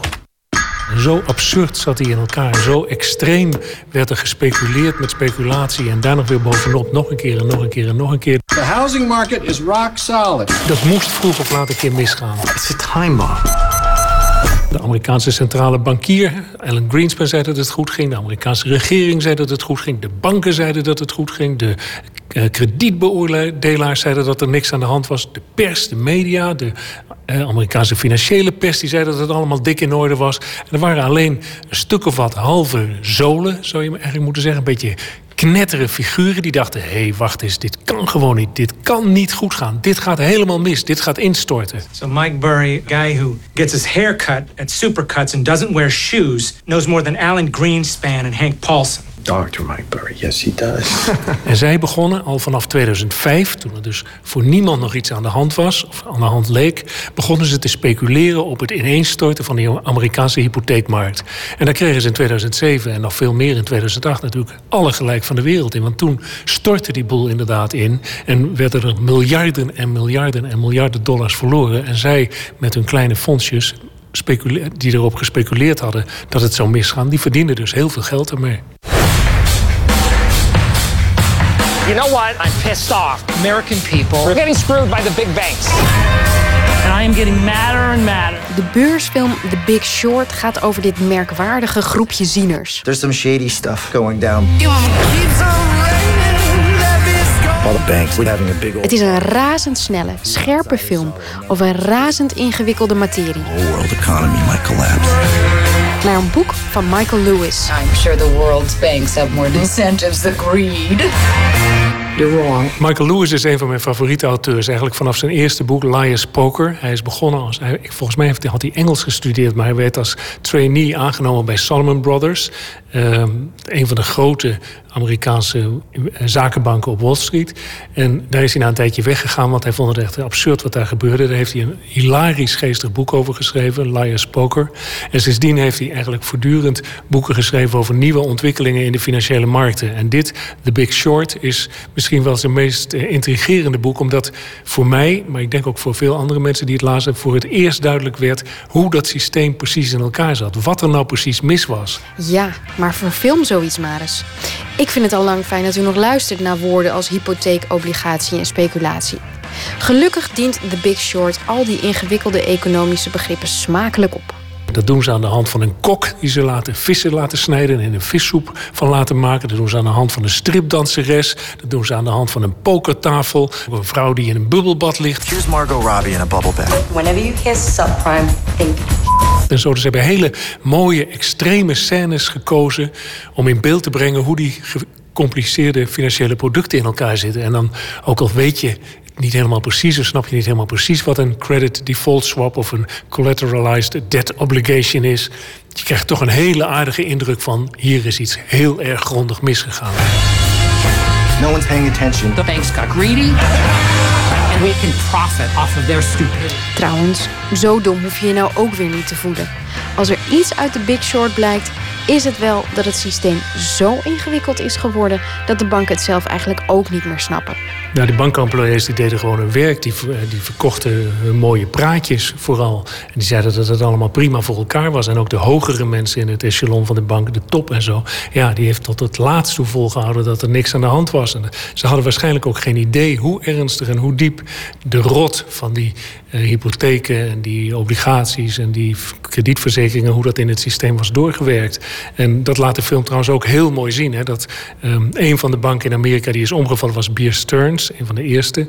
En er wordt in een, helemaal aan het slot staat er nog een man te vertellen... nee hoor, dat gaat helemaal prima met die bank... en ik ga aandelen ervan bijkopen... terwijl ondertussen in de zaal mensen volgen op hun, uh, op hun telefoontjes... Dat, uh, dat die aandelenkoers van die bank aan, in, in elkaar aan het storten is. Dus men had eigenlijk geen idee wat er in, de, in een bredere wereld, in hun eigen wereld aan het gebeuren was. Maar is dat arrogantie of omdat het systeem te ingewikkeld is geworden? Nou, je zou, als je de lijn van deze film volgt, zou je zeggen: het is fraude en domheid. Men wilde het niet weten, men hield bewust markten in stand, omdat uh, ze daardoor nog spullen konden verkopen tegen een goede prijs. Dus men heeft de markten gemanipuleerd. En het was ook domheid dat men domweg niet, niet wilde inzien wat er allemaal mis was. Fraud has never ever worked. Eventually, things go south. When the hell did we forget all that? Toch zijn het wat merkwaardige helden, die van The Big Short. Niet zozeer omdat ze zelf vreemd zijn, maar omdat ze tegen een systeem wedden dat louter gericht is op winst maken. Om zelf ook weer zoveel mogelijk winst te maken. Het zijn dus niet bepaald Robin Hoods die het opnemen voor de gewone man. You just bet against the American economy. Maar aan de andere kant, er zit bij een aantal van hen heel duidelijk ook een soort maatschappijkritische ondertoon of overtuiging. Ze doen het omdat ze overtuigd zijn dat systeem is rot.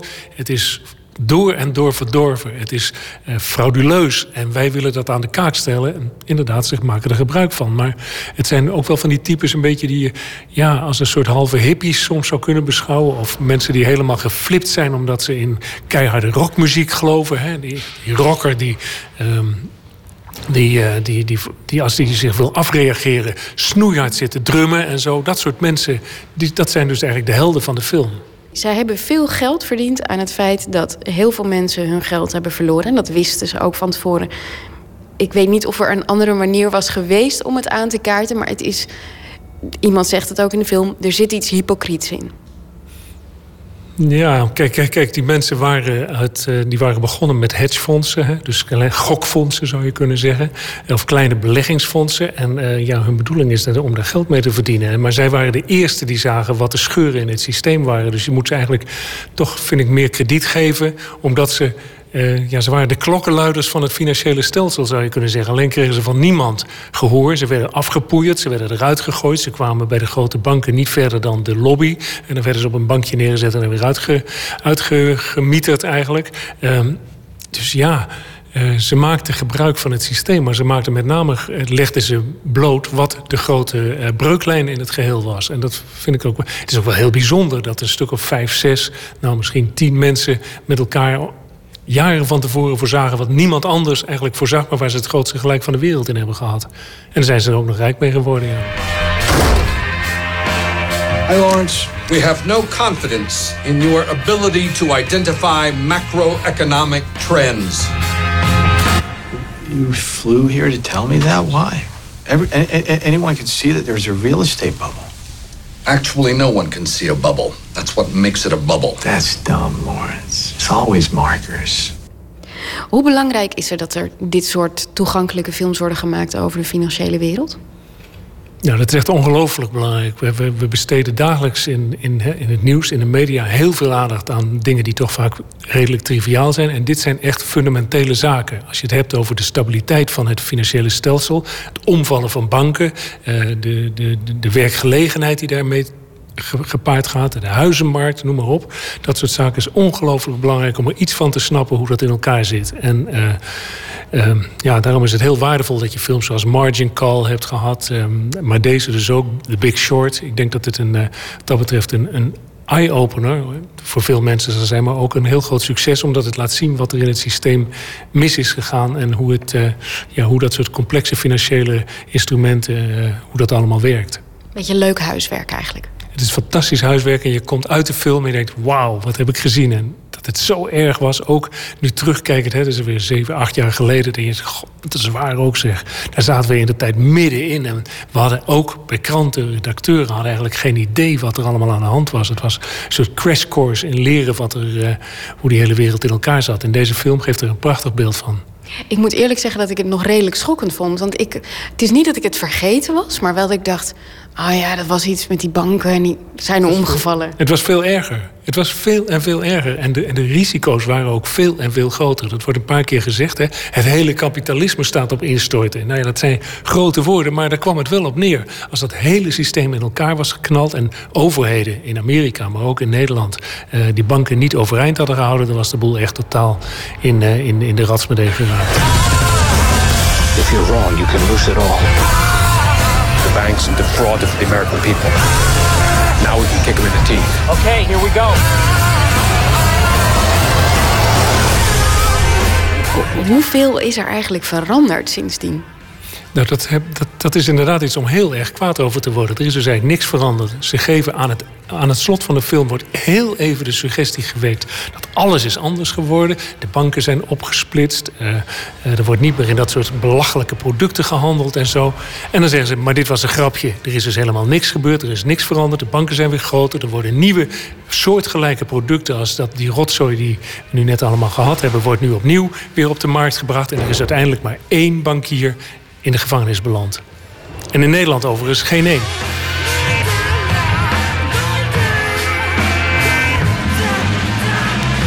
The Big Short te zien in 49 zalen gaat uh, deze week in première in Nederland. Financieel journalist Roel Jansen in een reportage van Floortje Smit. Don Covey was een Amerikaanse R&B-zanger. Hij uh, stond model voor de zangstijl van Mick Jagger wordt wel eens beweerd. Alleen uh, Mick Jagger is er stinkend rijk mee geworden. En bij Don Covey viel dat allemaal wel mee. Dit was uh, een van zijn weinige hele grote hits. Mercy, Mercy.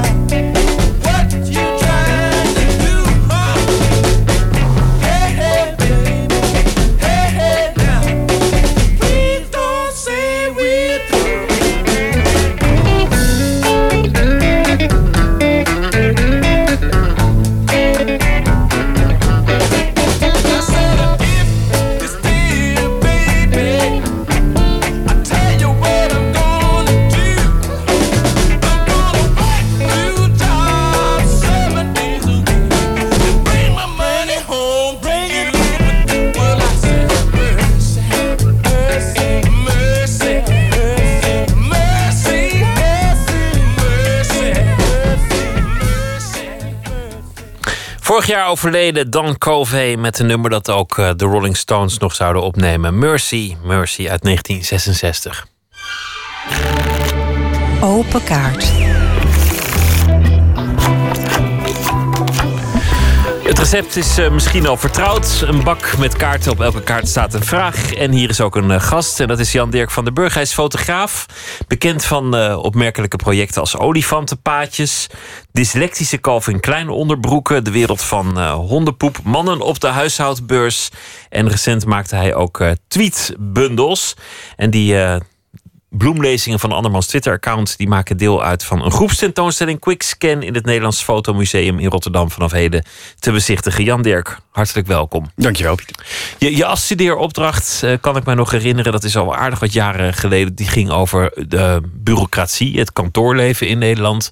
Mm -hmm. Je fotografeerde het alledaagse kantoorleven met, met prachtige tafereelen. Ik herinner me vooral één beeld van een kantoor waar de achterstallige post zo hoog was opgestapeld dat mensen door het raam naar binnen moesten. Hoe, ja. hoe kwam dat idee? Uh, nou, dat was eigenlijk een, een uh, geluk bij een ongeluk. Want uh, ik kon bij mijn afstuderen maar niet op een goed idee komen. En veel van mijn medestudenten die maakten verre reizen naar exotische oorden. En toen heb ik eigenlijk uit, uit, ja, uit noodzaak uh, het idee van het kantoorleven bedacht. Omdat uh, in een straal van een kilometer rond de academie in Den Haag, waar ik toen studeerde, uh, om daar het kantoorleven vast te gaan leggen. En toen, uh, ja, toen kwam ik op plekken als in de kelder bij een, een, uh, een octrooibureau. En ja, en dat, dat lag vol met, met stapels met gele mappen en kaartenbakken. En ja, was nauwelijks een computer te bekennen. En ja, dat, dat, dat werd eigenlijk een, een fantastische serie. Met uh, nou ja, de verjaardagsfeestjes die iedereen kent. Die, ja. die, die, die, er dan een beetje sneuig uitzien. Mm -hmm. En één mevrouw met heel veel plusje beesten. Ze was een soort datatypiste die, die, die ook een heel leven toedichtte aan al die plusje beesten. En, en dan ook, daar had je een geluidsopname ja. van vertelde dat het ene plusje beest vandaag een beetje ruzie had. Ja, ze had minstens denk ik 50 beertjes in haar kamer staan. En die verzamelen. En alle beertjes die, die hadden ook een naam. Dus uh, ja, ik, heb, ik ben aan alle 50, 50 beertjes ben ik voorgesteld. En uh, ja, zij, zij, zij deed daar vrij, uh, toch wel vrij geestdodend werk. En ja, om, om, dat, om haar leven toch een beetje kleur te geven, bedacht, heeft ze, ja, ze is zich omringd met de dingen die zij, die zij lief heeft. En, waar, waarmee ze graag communiceert. En dat waren die beertjes. Een mooi portret van het dagelijks leven in Nederland. Meteen was dat het begin van, van je loopbaan. Olifantenpaadjes, wat zijn het? Uh, dat zijn uh, paadjes die mensen zelf maken als ze de kortste weg van A naar B uh, willen nemen. En die paadjes worden vaak niet aangelegd door landschapsarchitecten en stedenbouwkundigen. Die leggen vaak opwegen aan. En dan, ja, dat zijn een van de weinige vormen van menselijk instinctief gedrag. wat je echt nog in de openbare ruimte kan, kan, kan waarnemen. Als een hoop mensen dat doen, dan slaat er, slijt er zo'n paadje uit. En als, als, als wij geluk hebben, dan dan, wordt het paadje nog verhard ook. En dan hebben we eindelijk die, weg, die kortste weg van A naar B. Dat, dat project, want het zijn mooie foto's. Je ziet keurig mm. hoe het pad is aangelegd. En je ziet ook hoe de, hoe de mensheid de andere kant op is gegaan. Dat, ja. dat heeft je op hele, hele gekke plekken gebracht. Ik hoorde dat je zelfs lezingen geeft en, en wordt gevraagd door architecten om iets te vertellen over het olifantenpad. Ja, klopt. Ja, ik heb dat, dat, dat verhaal heb ik best wel over de. Ja, heb ik vrij radicaal aangepakt. Ik heb bij elk olifantenpaadje uh, nauwkeurig opgemeten wat de, uh, de terreinwinst is die de olifantenpaadjesgebruiker boekt als hij het olifantenpaadje neemt ten opzichte van de uh, stedenbouwkundige bedachte route. En ik had er ook een, een klein documentaire bij gemaakt. En ik merkte toen dat het in, het, in de managementwereld dat het olifantenpaadje paadje als metafoor werd opgepikt. Als, ook als een metafoor voor buiten de gebaande paden omdenken. En toch uit een oorspronkelijk gedachtegoed de meest efficiënte manier van werken verzinnen. En toen heb ik bedacht van ja, dat is. Ik kan me toch wel een beetje gebombardeerd als landelijke autoriteit op het gebied van de olifantenpaadjes. En toen ben ik zelf die lezingen gaan geven. En dat, en dat doe ik nog steeds. Je hebt ook nou ja, de dyslectische Kelvin Klein onderbroeken gefotografeerd. Dat zijn mm -hmm. zeg maar nep merken of mensen die de Kelvin Klein broek illegaal kopiëren en dan een spelfout maken. Dus ja. dan heet hij Clevin Klein of mm -hmm. nou ja, alle Colvin varianten. Colvin Klein. Um, ik herinner mij een, een reportage die je maakte in Afrika van Nederlandse t-shirts. Ah, ja, ja. Die via de kledingophaal waren opgehaald. Waardoor je Piets Patatboer ineens daar in, in, in Afrika zag. En wat nu eigenlijk wel een, een project met, met veel uh, furoren is, dat zijn de, de tweetbundels. Je hebt ze Ja. allemaal meegenomen. Ja, klopt. Hoe begon het idee? Eh, nou, het begon eigenlijk. eh, ik fotografeerde vroeger veel voor het parool. En eh, toen ik er eigenlijk niks meer voor deed, toen besloot ik daar toch de, de hoofdredacteur te gaan volgen. Die daar toen net nieuw was, Barbara van Beukering. Ik blijf ik toch een beetje op de hoogte van de koers van de krant. Maar wat ik meer meekreeg, dat waren de.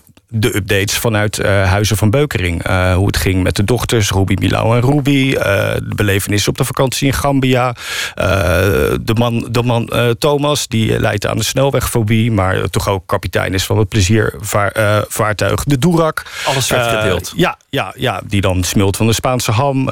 hoe ze met kerst allemaal een badjas met hun naam erop krijgen. En op een gegeven moment stond Twitter de Barbara dat ze in de, in de IKEA stond. Want haar oudste dochter Ruby die ging het huis uit op Plundradag. Hashtag haat.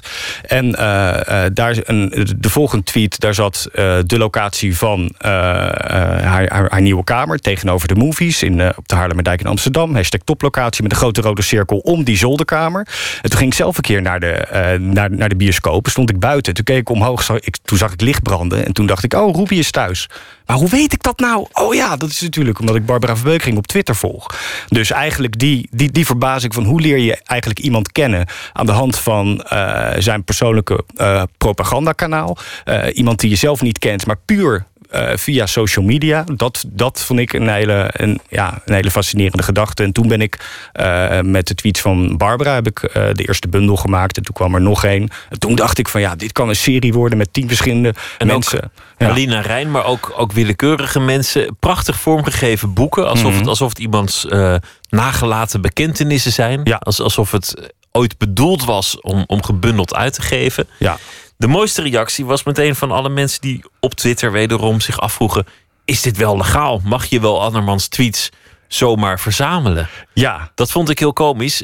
Je kunt het hebben over auteursrecht, wellicht. Mhm. dat, dat lijkt me nog wel een soort discussie. Maar ja, dat het voor publicatie eh, bedoeld was, dat is nou net de essentie van Twitter. Ja, nee, nee, natuurlijk. En ik zie dat als, eh, ook als een vorm van, eh, van analoog retweeten. En ja, ik denk ook bij mezelf van ja, iedereen met een internetaansluiting, potentieel eh, miljarden mensen in de hele wereld, die, die hebben die berichtjes kunnen lezen. En het enige wat, wat ik heb gedaan is het dan weer terugvertalen in, in boekvorm. Wat Eh, toch een ja. soort eeuwigheidswaarde heeft. Ja, Twitter ja, heeft een soort vluchtigheid. Ja, En, ja. en dit heeft dan ineens een soort gebundelde bibliothecarische eeuwigheidswaarde. Nee, ik heb het ook echt zo, zo, zo verzorgd mogelijk proberen uit te geven met een stofomslag op heel mooi duur papier. Eh, dat echt die, die, dat verschil tussen de, de, de, de, de intimiteit van een boek en het vluchtige eh, van internet waar die tweet ooit voor is bedoeld, dat dat zo groot mogelijk wordt. Dat is, eh, En weer, want dat lijkt de rode draad toch een beetje in je werk. Mhm. eh, gaat het over het dagelijkse Nederland. Het, het geeft een inkijkje in onze samenleving. Ja, klopt, klopt. En eigenlijk had ik, ik wilde ook heel graag iets doen met eh, de verandering die social media in ons, in ons leven heeft gebracht. Maar dat, dat is heel moeilijk om met een, eh, met een, met, met een camera te doen. Eh, dus heb ik het eigenlijk met screenshots gedaan en, ja, en dat, weer, dat weer teruggeplakt in een boek. Laten we beginnen met de kaarten. Hier is de bak en ik wil je vragen om een kaart Ik zie blauw en rode. Ja, blauw gaat over werk en rood gaat over leven. Oh, neem ik rood. Wanneer laat je iemand vallen? Ja, wanneer laat je iemand vallen? Jan Dirk, wanneer zeg je het is mooi geweest en nu opdonderen? Ja. Ehm, nou ja, ik ben niet iemand van dat soort echte, echte harde statements en bes- beslissingen. Het is niet zo dat je het bij mij echt voorgoed verbruikt kan hebben of zo. Heb je wel eens een vriendschap opgezegd? Mm, nee, nee, nee. En zeker niet zo stellig van nu is het eh, ja wel eh, verwaterde vriendschappen. Dat is volgens mij ook ja. eh, Hoe het ik, gaat. Ik, ik, ik verander zelf ook. En eh, ja, ik, ik ben ook niet meer de, de, de, de, de Jan Dirk van 15 jaar geleden. Dus, eh, eh, maar nee, mensen, mensen echt laten. Ja, ik kan, ik kan even geen treffend voorbeeld bedenken. Wat ik, wat ik nu zo lekker op kan lepelen. Dat, eh, ja. Pak dan nog maar een kaart. Yes. Wat is je terugkerende nachtmerrie? Heb je een terugkerende nachtmerrie om te beginnen? Eh, nou, dit is, ik ben de laatste, eh, de laatste weken, vlak voordat ik die eh, hele box en die bundels binnenkreeg, uh, ik echt stevast om zes uur wakker geworden. En dan lag ik echt enorm te piekeren. En uh, was ik heel erg bang dat er allemaal rare dingen in zouden staan. Of dat het verkeerd gebonden zou worden. Of dat er iets mis zou zijn met de lithografie van de foto's. En dat was de afgelopen maand een terugkerende, ja, niet echt een, een, nachtmerrie, maar wel een hele grote zorg. En toen dat eenmaal binnenkwam en toen ik zag dat het ook echt fantastisch uitzag, dat. En wat was het ergste dat er kon gebeuren? De, de, echte nachtmerrie? Dat je dan van de drukker kwam en die zei: Nou, het is klaar, meneer Van den Burg. En, en dat het dan allemaal op zijn kop stond of zo. Nee, of dat het nou de, de, met, met een boek kunnen echt duizend dingen fout gaan. Uh, ja, of dat het halverwege. Ik had het heel erg gepland op, de, op een grote boekpresentatie in de Bali. En uh, ja, dan, dan, dan moet die vrachtwagen ook nog gewoon ongeschonden die drie pallets afleveren. Uh, of het kan verkeerd gebonden zijn, of de pagina's die plakken aan elkaar, of er zitten rare vlekken in. Ja, van alles. Ja. Nog een kaart. Welke collega is overschat? Ja, dat, dat is mijn favoriete vraag. Die komt ook altijd terug op de een of andere manier. Ja, die zat ook heel stiekem achterin. Dat is, ja, uh, ja uh, uh, nou... Noem gewoon een naam. Je hebt voor het leven ruzie, maar dat maakt niet uit. Er is vast wel een collega onder de fotografen. Toch, ja, het wordt toch s'nachts uitgezonden. Ja, ik, Precies. Ik, ik, ik kan nu... Ehm, ja, misschien wel bijna alle fotografen, inclusief mijzelf, denk ik dan. Het is toch de, de fotografie aan zich, dat is toch wel uh, de snelste, de grootste shortcut naar uh, als je toch enige artistieke behoefte hebt om dat te ontplooien, dan is het makkelijker om te beginnen met fotografie dan met uh, beeldhouden of met cinema. Een, een, dat is bewerkelijker. Maar, maar noem eens een naam. Wie, wie, wie vind je nou van een fotograaf die, die je vaak in de krant ziet, of die je groot exposeert, of, of die heel veel praatjes heeft waarvan jij denkt: ik zie het niet? Nou, ja, weet je wat het is, Pieter? De, de, de fotografiewereld die is uh, nog kleiner dan de mediawereld. En uh, uh, buiten het feit dat ik, dat ik ook dat ik eigenlijk meer op mezelf let dan, dan dat anderen doen. En ja, ik, ik heb een bepaalde insteek van, van fotografie. En ja, ik vind portretfotografie bijvoorbeeld niet zo interessant. Of, maar ik, ik kan niet echt één iemand noemen die enorme roem uh, uh, heeft gekregen. Waarvan ik denk van ja, dat is echt, dit is echt de kleren van de keizer. Ja, als je echt. ik, ik heb het wel eens, maar het is niet ja. dat nu meteen een naam te binnen schiet. Maar je hebt natuurlijk wel eens dat je een museum binnenkomt. en dan is het een, een, een, foto met een vrij willekeurig kader. van een stukje berm met een stukje gras. En dat je denkt: ja. wat wil je nou zeggen, vriend? En dan hangt het wel twee bij twee in, in het museum. Ja, klopt. Dat heb je met heel veel. Ja, ja nou, wat heel veel mensen bij foto's zelf fantaseren. Ik ben altijd vrij direct. En uh, in de fotografie is het ook een bepaalde tendens om uh, allerlei emoties op foto's los te laten. Kwetsbaarheid wordt dan heel vaak genoemd. En dan denk ik, dan, of, uh, ja, dan, en dan denk ik gewoon van, ja, er is, ik zie gewoon een heel mooi meisje wat zo langs de lens kijkt. Maar de fotograaf heeft gewoon gezegd van, ja, kan je even aan een zak aardappelen denken en dan 1, 2, 3, klik. En dat is ja, dat, is dat, dat zie ik wel om me heen. Maar ja, heel, als heel veel mensen daar dan wel ple, ple, uh, plezier aan beleven, het zijn ja, wat dat betreft vrijheid, blijheid. Precies, nou, nou. nog maar een kaart. Heel goed, je hebt geen naam genoemd. Knap gedaan. Toch goed gedaan. Kun je goed met geld omgaan? Nee.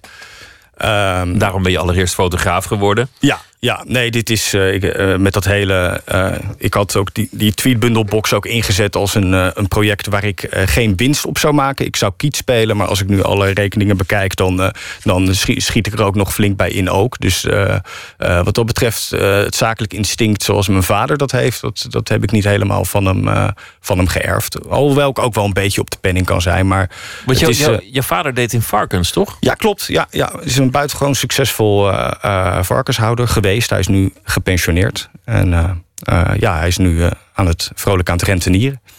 Maar goed, misschien maak je verlies op deze bundel. Maar het, het is nu wel een onvergetelijk succes in, in aandacht, furoren en toch ook wel in, in mate van memorabiliteit. Ja, dat nee, dat is, dat, dat is natuurlijk ook de, de eigenlijk de, de, de, ironische kant van, dat, van het hele verhaal. Dat ik allemaal boekjes heb gemaakt over mensen hun profileringsdrang. En dat ik dan die tien boekjes af heb, dat ik met die hele box mezelf ook weer aan het profileren ben. Wat dat betreft eh, is het dus wel een soort van koekje van eigen deeg. Nou, we profileren wat af. Jan-Dirk van den Burg, dank je wel. En heel veel succes. En eh, het is ook eh, te zien op de groepstentoonstelling Quick Scan in het Fotomuseum in Rotterdam. Zeker. wel. Een nieuw album van Bon Iver komt er voorlopig niet aan. Dat eh, bleek laatst uit een interview met Justin Fernand, de, de. Dus we moeten het eh, nog maar even doen met eh, een stuk uit 2009, Bloodbank.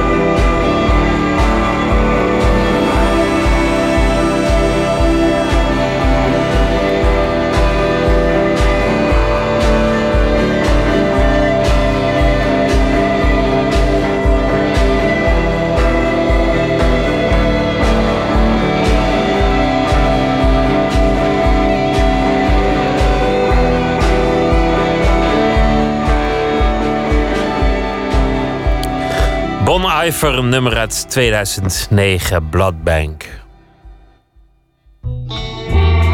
Nooit meer slapen. Crowdfunding, het wordt vaak gezien in de kunstsector als de kip met de gouden eieren. Als andere fondsen wegvallen, als de subsidie stopt bijvoorbeeld, dan ga je het geld gewoon zelf halen bij het publiek. Klinkt allemaal makkelijk en effectief en wordt vaak ook afgeschilderd als een succesverhaal, maar klopt dat wel allemaal? En als je dat geld dan eenmaal bij elkaar hebt, hoe moet het dan verder met al die donateurs? Marcel van Driel schreef 44 kinderboeken. Hij vond het tijd voor een eh, thriller voor volwassenen. Nachtmerrieman was de titel. Het hele schrijfproces moest gefinancierd en dus startte ook hij een crowdfunding actie via voordekunst.nl. Maar dat ging niet helemaal zoals gepland. Nachtcorrespondent Tom Klaassen, goeienacht. Goeienacht, hi. Niet helemaal als gepland, vertel. Nou ja, in de eerste instantie ging het heel goed. Want uh, de groep mensen die hem steunden via voor de kunst.nl... die uh, leverde Marcel een flinke klap erop. 17.000 euro haalde hij binnen. 113% van het uh, bedrag waar hij naar op zoek was. En dat is in de crowdfundingwereld, zo heb ik vandaag geleerd... ook sowieso een flinke som gelds. Um, dus Marcel die kon eigenlijk op een zolderkamer gaan zitten schrijven aan zijn thriller. Want dat wilde hij namelijk graag. Hij wilde een half jaar lang ongestoord werken zonder afleiding... zodat hij kon experimenteren en op zoek kon naar allerlei nieuwe vormen. Dat klinkt als iets wat je als schrijver wel wil. Dat je een fonds hebt en daarmee rust, je kunt beginnen. Ja.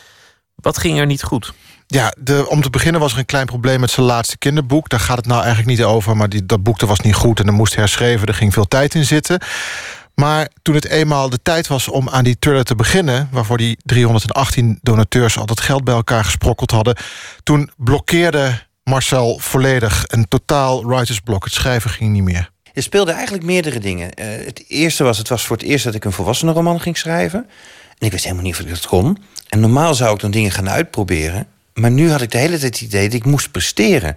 Want ik was al een jaar te laat, het had eigenlijk al af moeten zijn... En ik wilde gaan experimenteren met hoe, hoe werkt dat nou? En wat ik merkte is dat ik tijdens het schrijven steeds dacht... oh, ik, ik weet niet hoe het moet, ik weet niet of ik het wel kan... En dan straks duurt het nog een jaar langer. En in plaats van dat het daardoor sneller ging... ging het daardoor natuurlijk alleen nog maar langzamer. En ik wist dat de druk tussen mijn oren zat. En dat maakte dus geen ene fuck uit. Ja, Marcel die heeft een weblog, stoerboek.nl heet dat. En daar uh, publiceerde hij vandaag een enorm over, uh, openhartig verhaal op... dat uh, veel kunstenaars die wel eens met crowdfunding te maken zullen hebben gehad... wel aan zullen spreken. En het heet, dat verhaal, Waarom ik spijt heb van mijn crowdfunding actie. En hij schrijft dus over de enorme druk die je kunt ervaren... als je zit te werken op een berg geld dat je van andere mensen gekregen hebt. Geld van vrienden, kennissen, mensen die in je geloven de community eigenlijk om jou als kunstenaar heen... in plaats van een gezichtsloos fonds of bedrijf of wat dan ook. En die club die is dus direct bereid om in jou persoonlijk te investeren... En dan is de drempel om die teleur te stellen veel en veel hoger. En Marcel had zijn achterban een boek beloofd binnen een redelijke termijn. En uh, dat laat zich natuurlijk eigenlijk helemaal niet afdwingen, schrijverij. En uh, deadlines, dat is ook lastig als er kunst gebakken moet worden. Ja, hoe werkt het eigenlijk? Heeft zo'n voor de kunst.nl daar clausules voor? Wat als de, de artiest niet levert?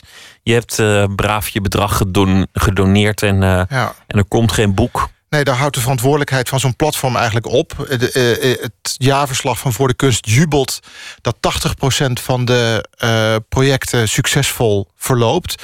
Maar dat betekent volgens mij gewoon dat de financiering rond is. En uh, of er dan ook daadwerkelijk iets van komt dat, uh, daar gaan zij niet over. En zo hoort het ook bij een investering... vindt uh, crowdfunding-expert Koen van Vliet... mede-auteur van het boek Crowdfunding de Hype voorbij. Ik zeg ook altijd uh, dat crowdfunding wordt, wordt neergezet... als een soort van verkoop of voorverkoop van producten. Maar dat is het helemaal niet. Het is, het is blijft een investering die je doet. Een van de dingen die horen bij een investering... is dat het kan mislukken. Dus het kan zomaar zijn dat je je product of, nou ja, als je investeert in een soort lening of, of aandelen, dat je geld niet terugkrijgt. Ik, ik denk dat, mensen, dat, dat uh, het gros van de mensen die investeert via crowdfunding dat helemaal niet doorheeft. Ja, dat denk ik ook. En eh, dat is precies het probleem bij Marcel van Driel... want die wilde geld eigenlijk om te experimenteren... maar hij beloofde zijn funders een kant-en-klaar boek. En dat is natuurlijk een ontzettend belangrijk verschil. Um, en volgens Koen is het ook heel erg moeilijk om vanaf punt nul iets op poten te zetten via crowdfunding. Je moet al een naam hebben, een naam die mensen vertrouwen. En daarbij een goed verkoopverhaal. En een community om je heen bouwen die er nog helemaal niet was. Dat gaat eigenlijk helemaal niet. En dat is ook een mooi nuanceverschil, vind ik. Want crowdfunding lijkt altijd heel ondemocratisch, laagdrempel, of, eh, democratisch, voor iedereen toegankelijk, heel laagdrempelig. Maar in de praktijk ben je zonder goede naam en goed verkoopverhaal helemaal nergens. Nou, Marcel had dat vertrouwen al vanwege die 44 kinderboeken, kreeg het geld makkelijk bij elkaar. Maar als het dan niet wil lukken, dan stel je dus een hele grote groep mensen die in je gelooft teleur. Ja, maar ja, goed, weet je, we hebben het over een paar tientjes. Mensen geven ook niet, eh, niet tonnen aan zo'n crowdfundingsproject in de regel. Het is niet, niet een eh, mislukte scheepswerf of, of een woontoren of zoiets. Nee, het is natuurlijk allemaal maar betrekkelijk. Er stort geen brug van in. En eh, in de ondernemerswereld ligt het allemaal heel anders. Ehm, ook als het om crowdfundingacties gaat trouwens. Maar juist die kunstwerken zijn zo ontzettend persoonlijk en die lijnen met de achterban zo kort dat het juist bij dat soort producten, want dat zijn het, eh, heel erg precair wordt. Het gaat niet om geld, het gaat om vertrouwen en gevoel. En daarom vind ik het dus ook heel goed dat Van Driel dit stuk schrijft. Want ik ben ervan overtuigd dat er veel mensen zijn die uh, erbij zitten zoals hij, met een ziel onder de arm en een hoop geld van iemand anders. En uh, ondertussen vindt Koen van Vliet, die vindt de coulance van die funders veel belangrijker. De planning wordt volgens hem 9 van de 10 keer niet gehaald. Je ziet wel dat, dat, uh, dat investeerders, zeker ook via crowdfunding, best wel uh, coulant zijn daarin. Dat als je een goed verhaal hebt waarom het niet lukt over een bepaalde tijd of waarom het uitstel heeft. Als je bijvoorbeeld dat, de, dat artikel van Marcel van Driel ziet, hij legt ook uit waarom het niet gelukt is. En op, op de website zelf, als voor de kunst, geeft hij ook steeds een update van waar hij mee bezig is en wat hij doet en waar hij tegenaan loopt. En um, en ik denk dat dat een van de belangrijkste dingen is die je kan doen. Dus mensen gewoon op de hoogte houden. En dan vinden mensen het helemaal niet erg. Dus eigenlijk ook wel logisch dat het niet, misschien niet precies binnen een bepaalde deadline lukt.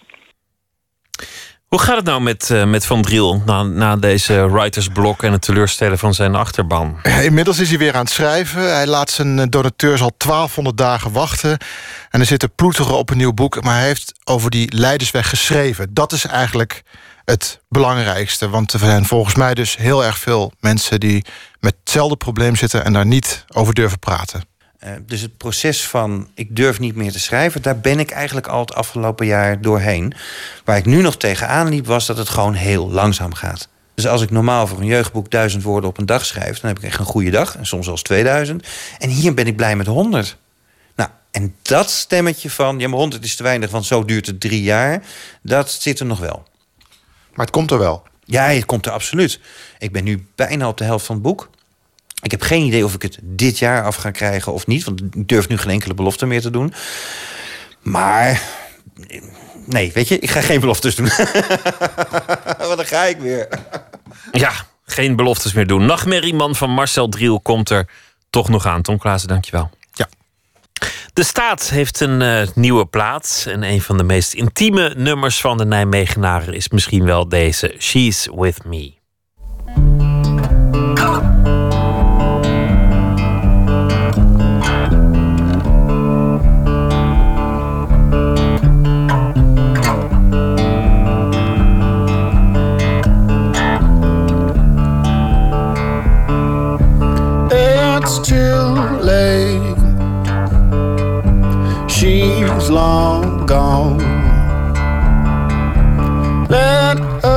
Sleep.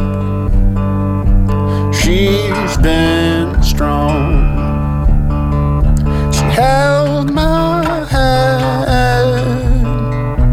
Said, Love, I'm gonna fall. Well, don't you worry, baby. Cause I'll fall along.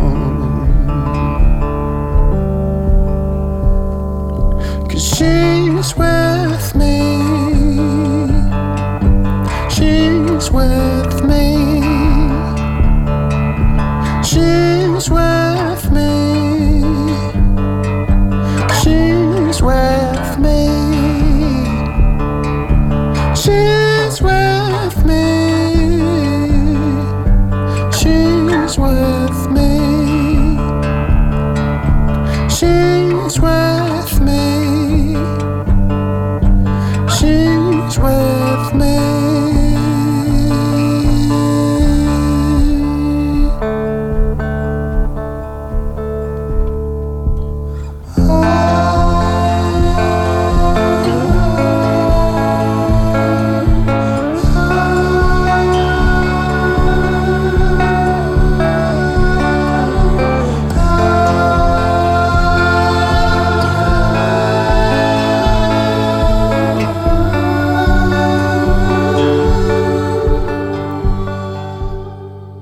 staat met She's With Me van het nieuwe album.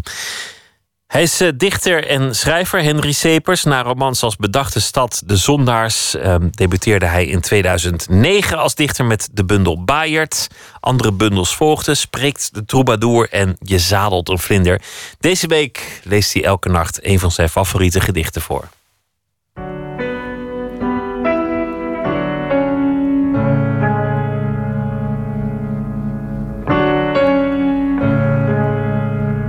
Een gedicht van Paul uh, Celaan. De vertaling is van Tom Nijkens. Uh, Celaan is namelijk een dichter die in Roemenië geboren is, maar in het Duits schreef. Zijn ouders zijn door de nazi's vermoord.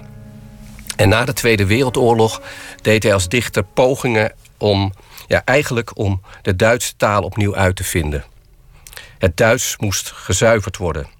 Het moest ontdaan worden van alle bijbetekenissen die de nazi's eraan hadden gegeven. En hij ging daarbij heel behoedzaam te werk. Uit de woorden van het gedicht dat ik straks ga voorlezen, doemt langzaam, dat denk ik tenminste, het is een interpretatie, het beeld van een concentratiekamp op. En van mensen die daar gestorven zijn, omgekomen zijn. Het is eigenlijk alsof de dichter probeert zich in de taal te verenigen, misschien wel met zijn ouders.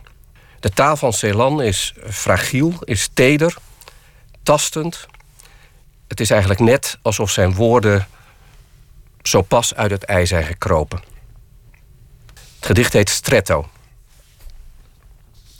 Stretto. Weggevoerd naar het terrein met het onlogenbare spoor. Gras uiteengeschreven. De stenen wit met de schaduw van de halmen. Lees niet meer. Kijk. Kijk niet meer. Loop. Loop. Je uur heeft geen naaste. Je bent, bent thuis. Een wiel. Langzaam. Wentelt vanzelf. De spaken klimmen. Klimmen op zwartgrijze grond. De nacht hoeft geen sterren. Nergens vraagt men naar jou. Nergens vraagt men naar jou. De plek waar ze lagen. Ze heeft een naam. Ze heeft er geen. Ze lagen er niet. Iets lag tussen hen. Ze doorzagen het niet. Zagen niet. Nee, praten van woorden. Er werd er geen wakker. De slaap kwam over hen. Kwam. Kwam. Nergens vraagt men.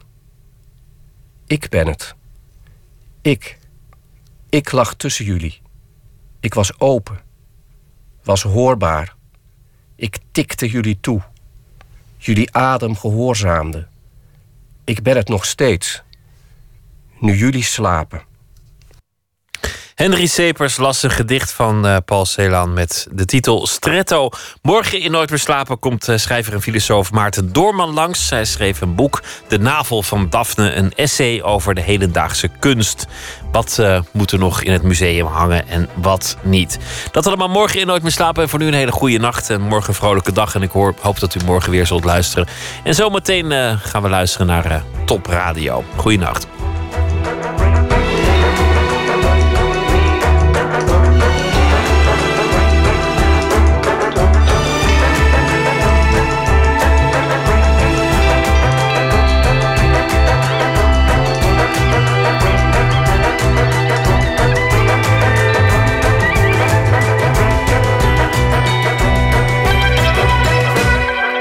Radio 1, het nieuws van alle kanten.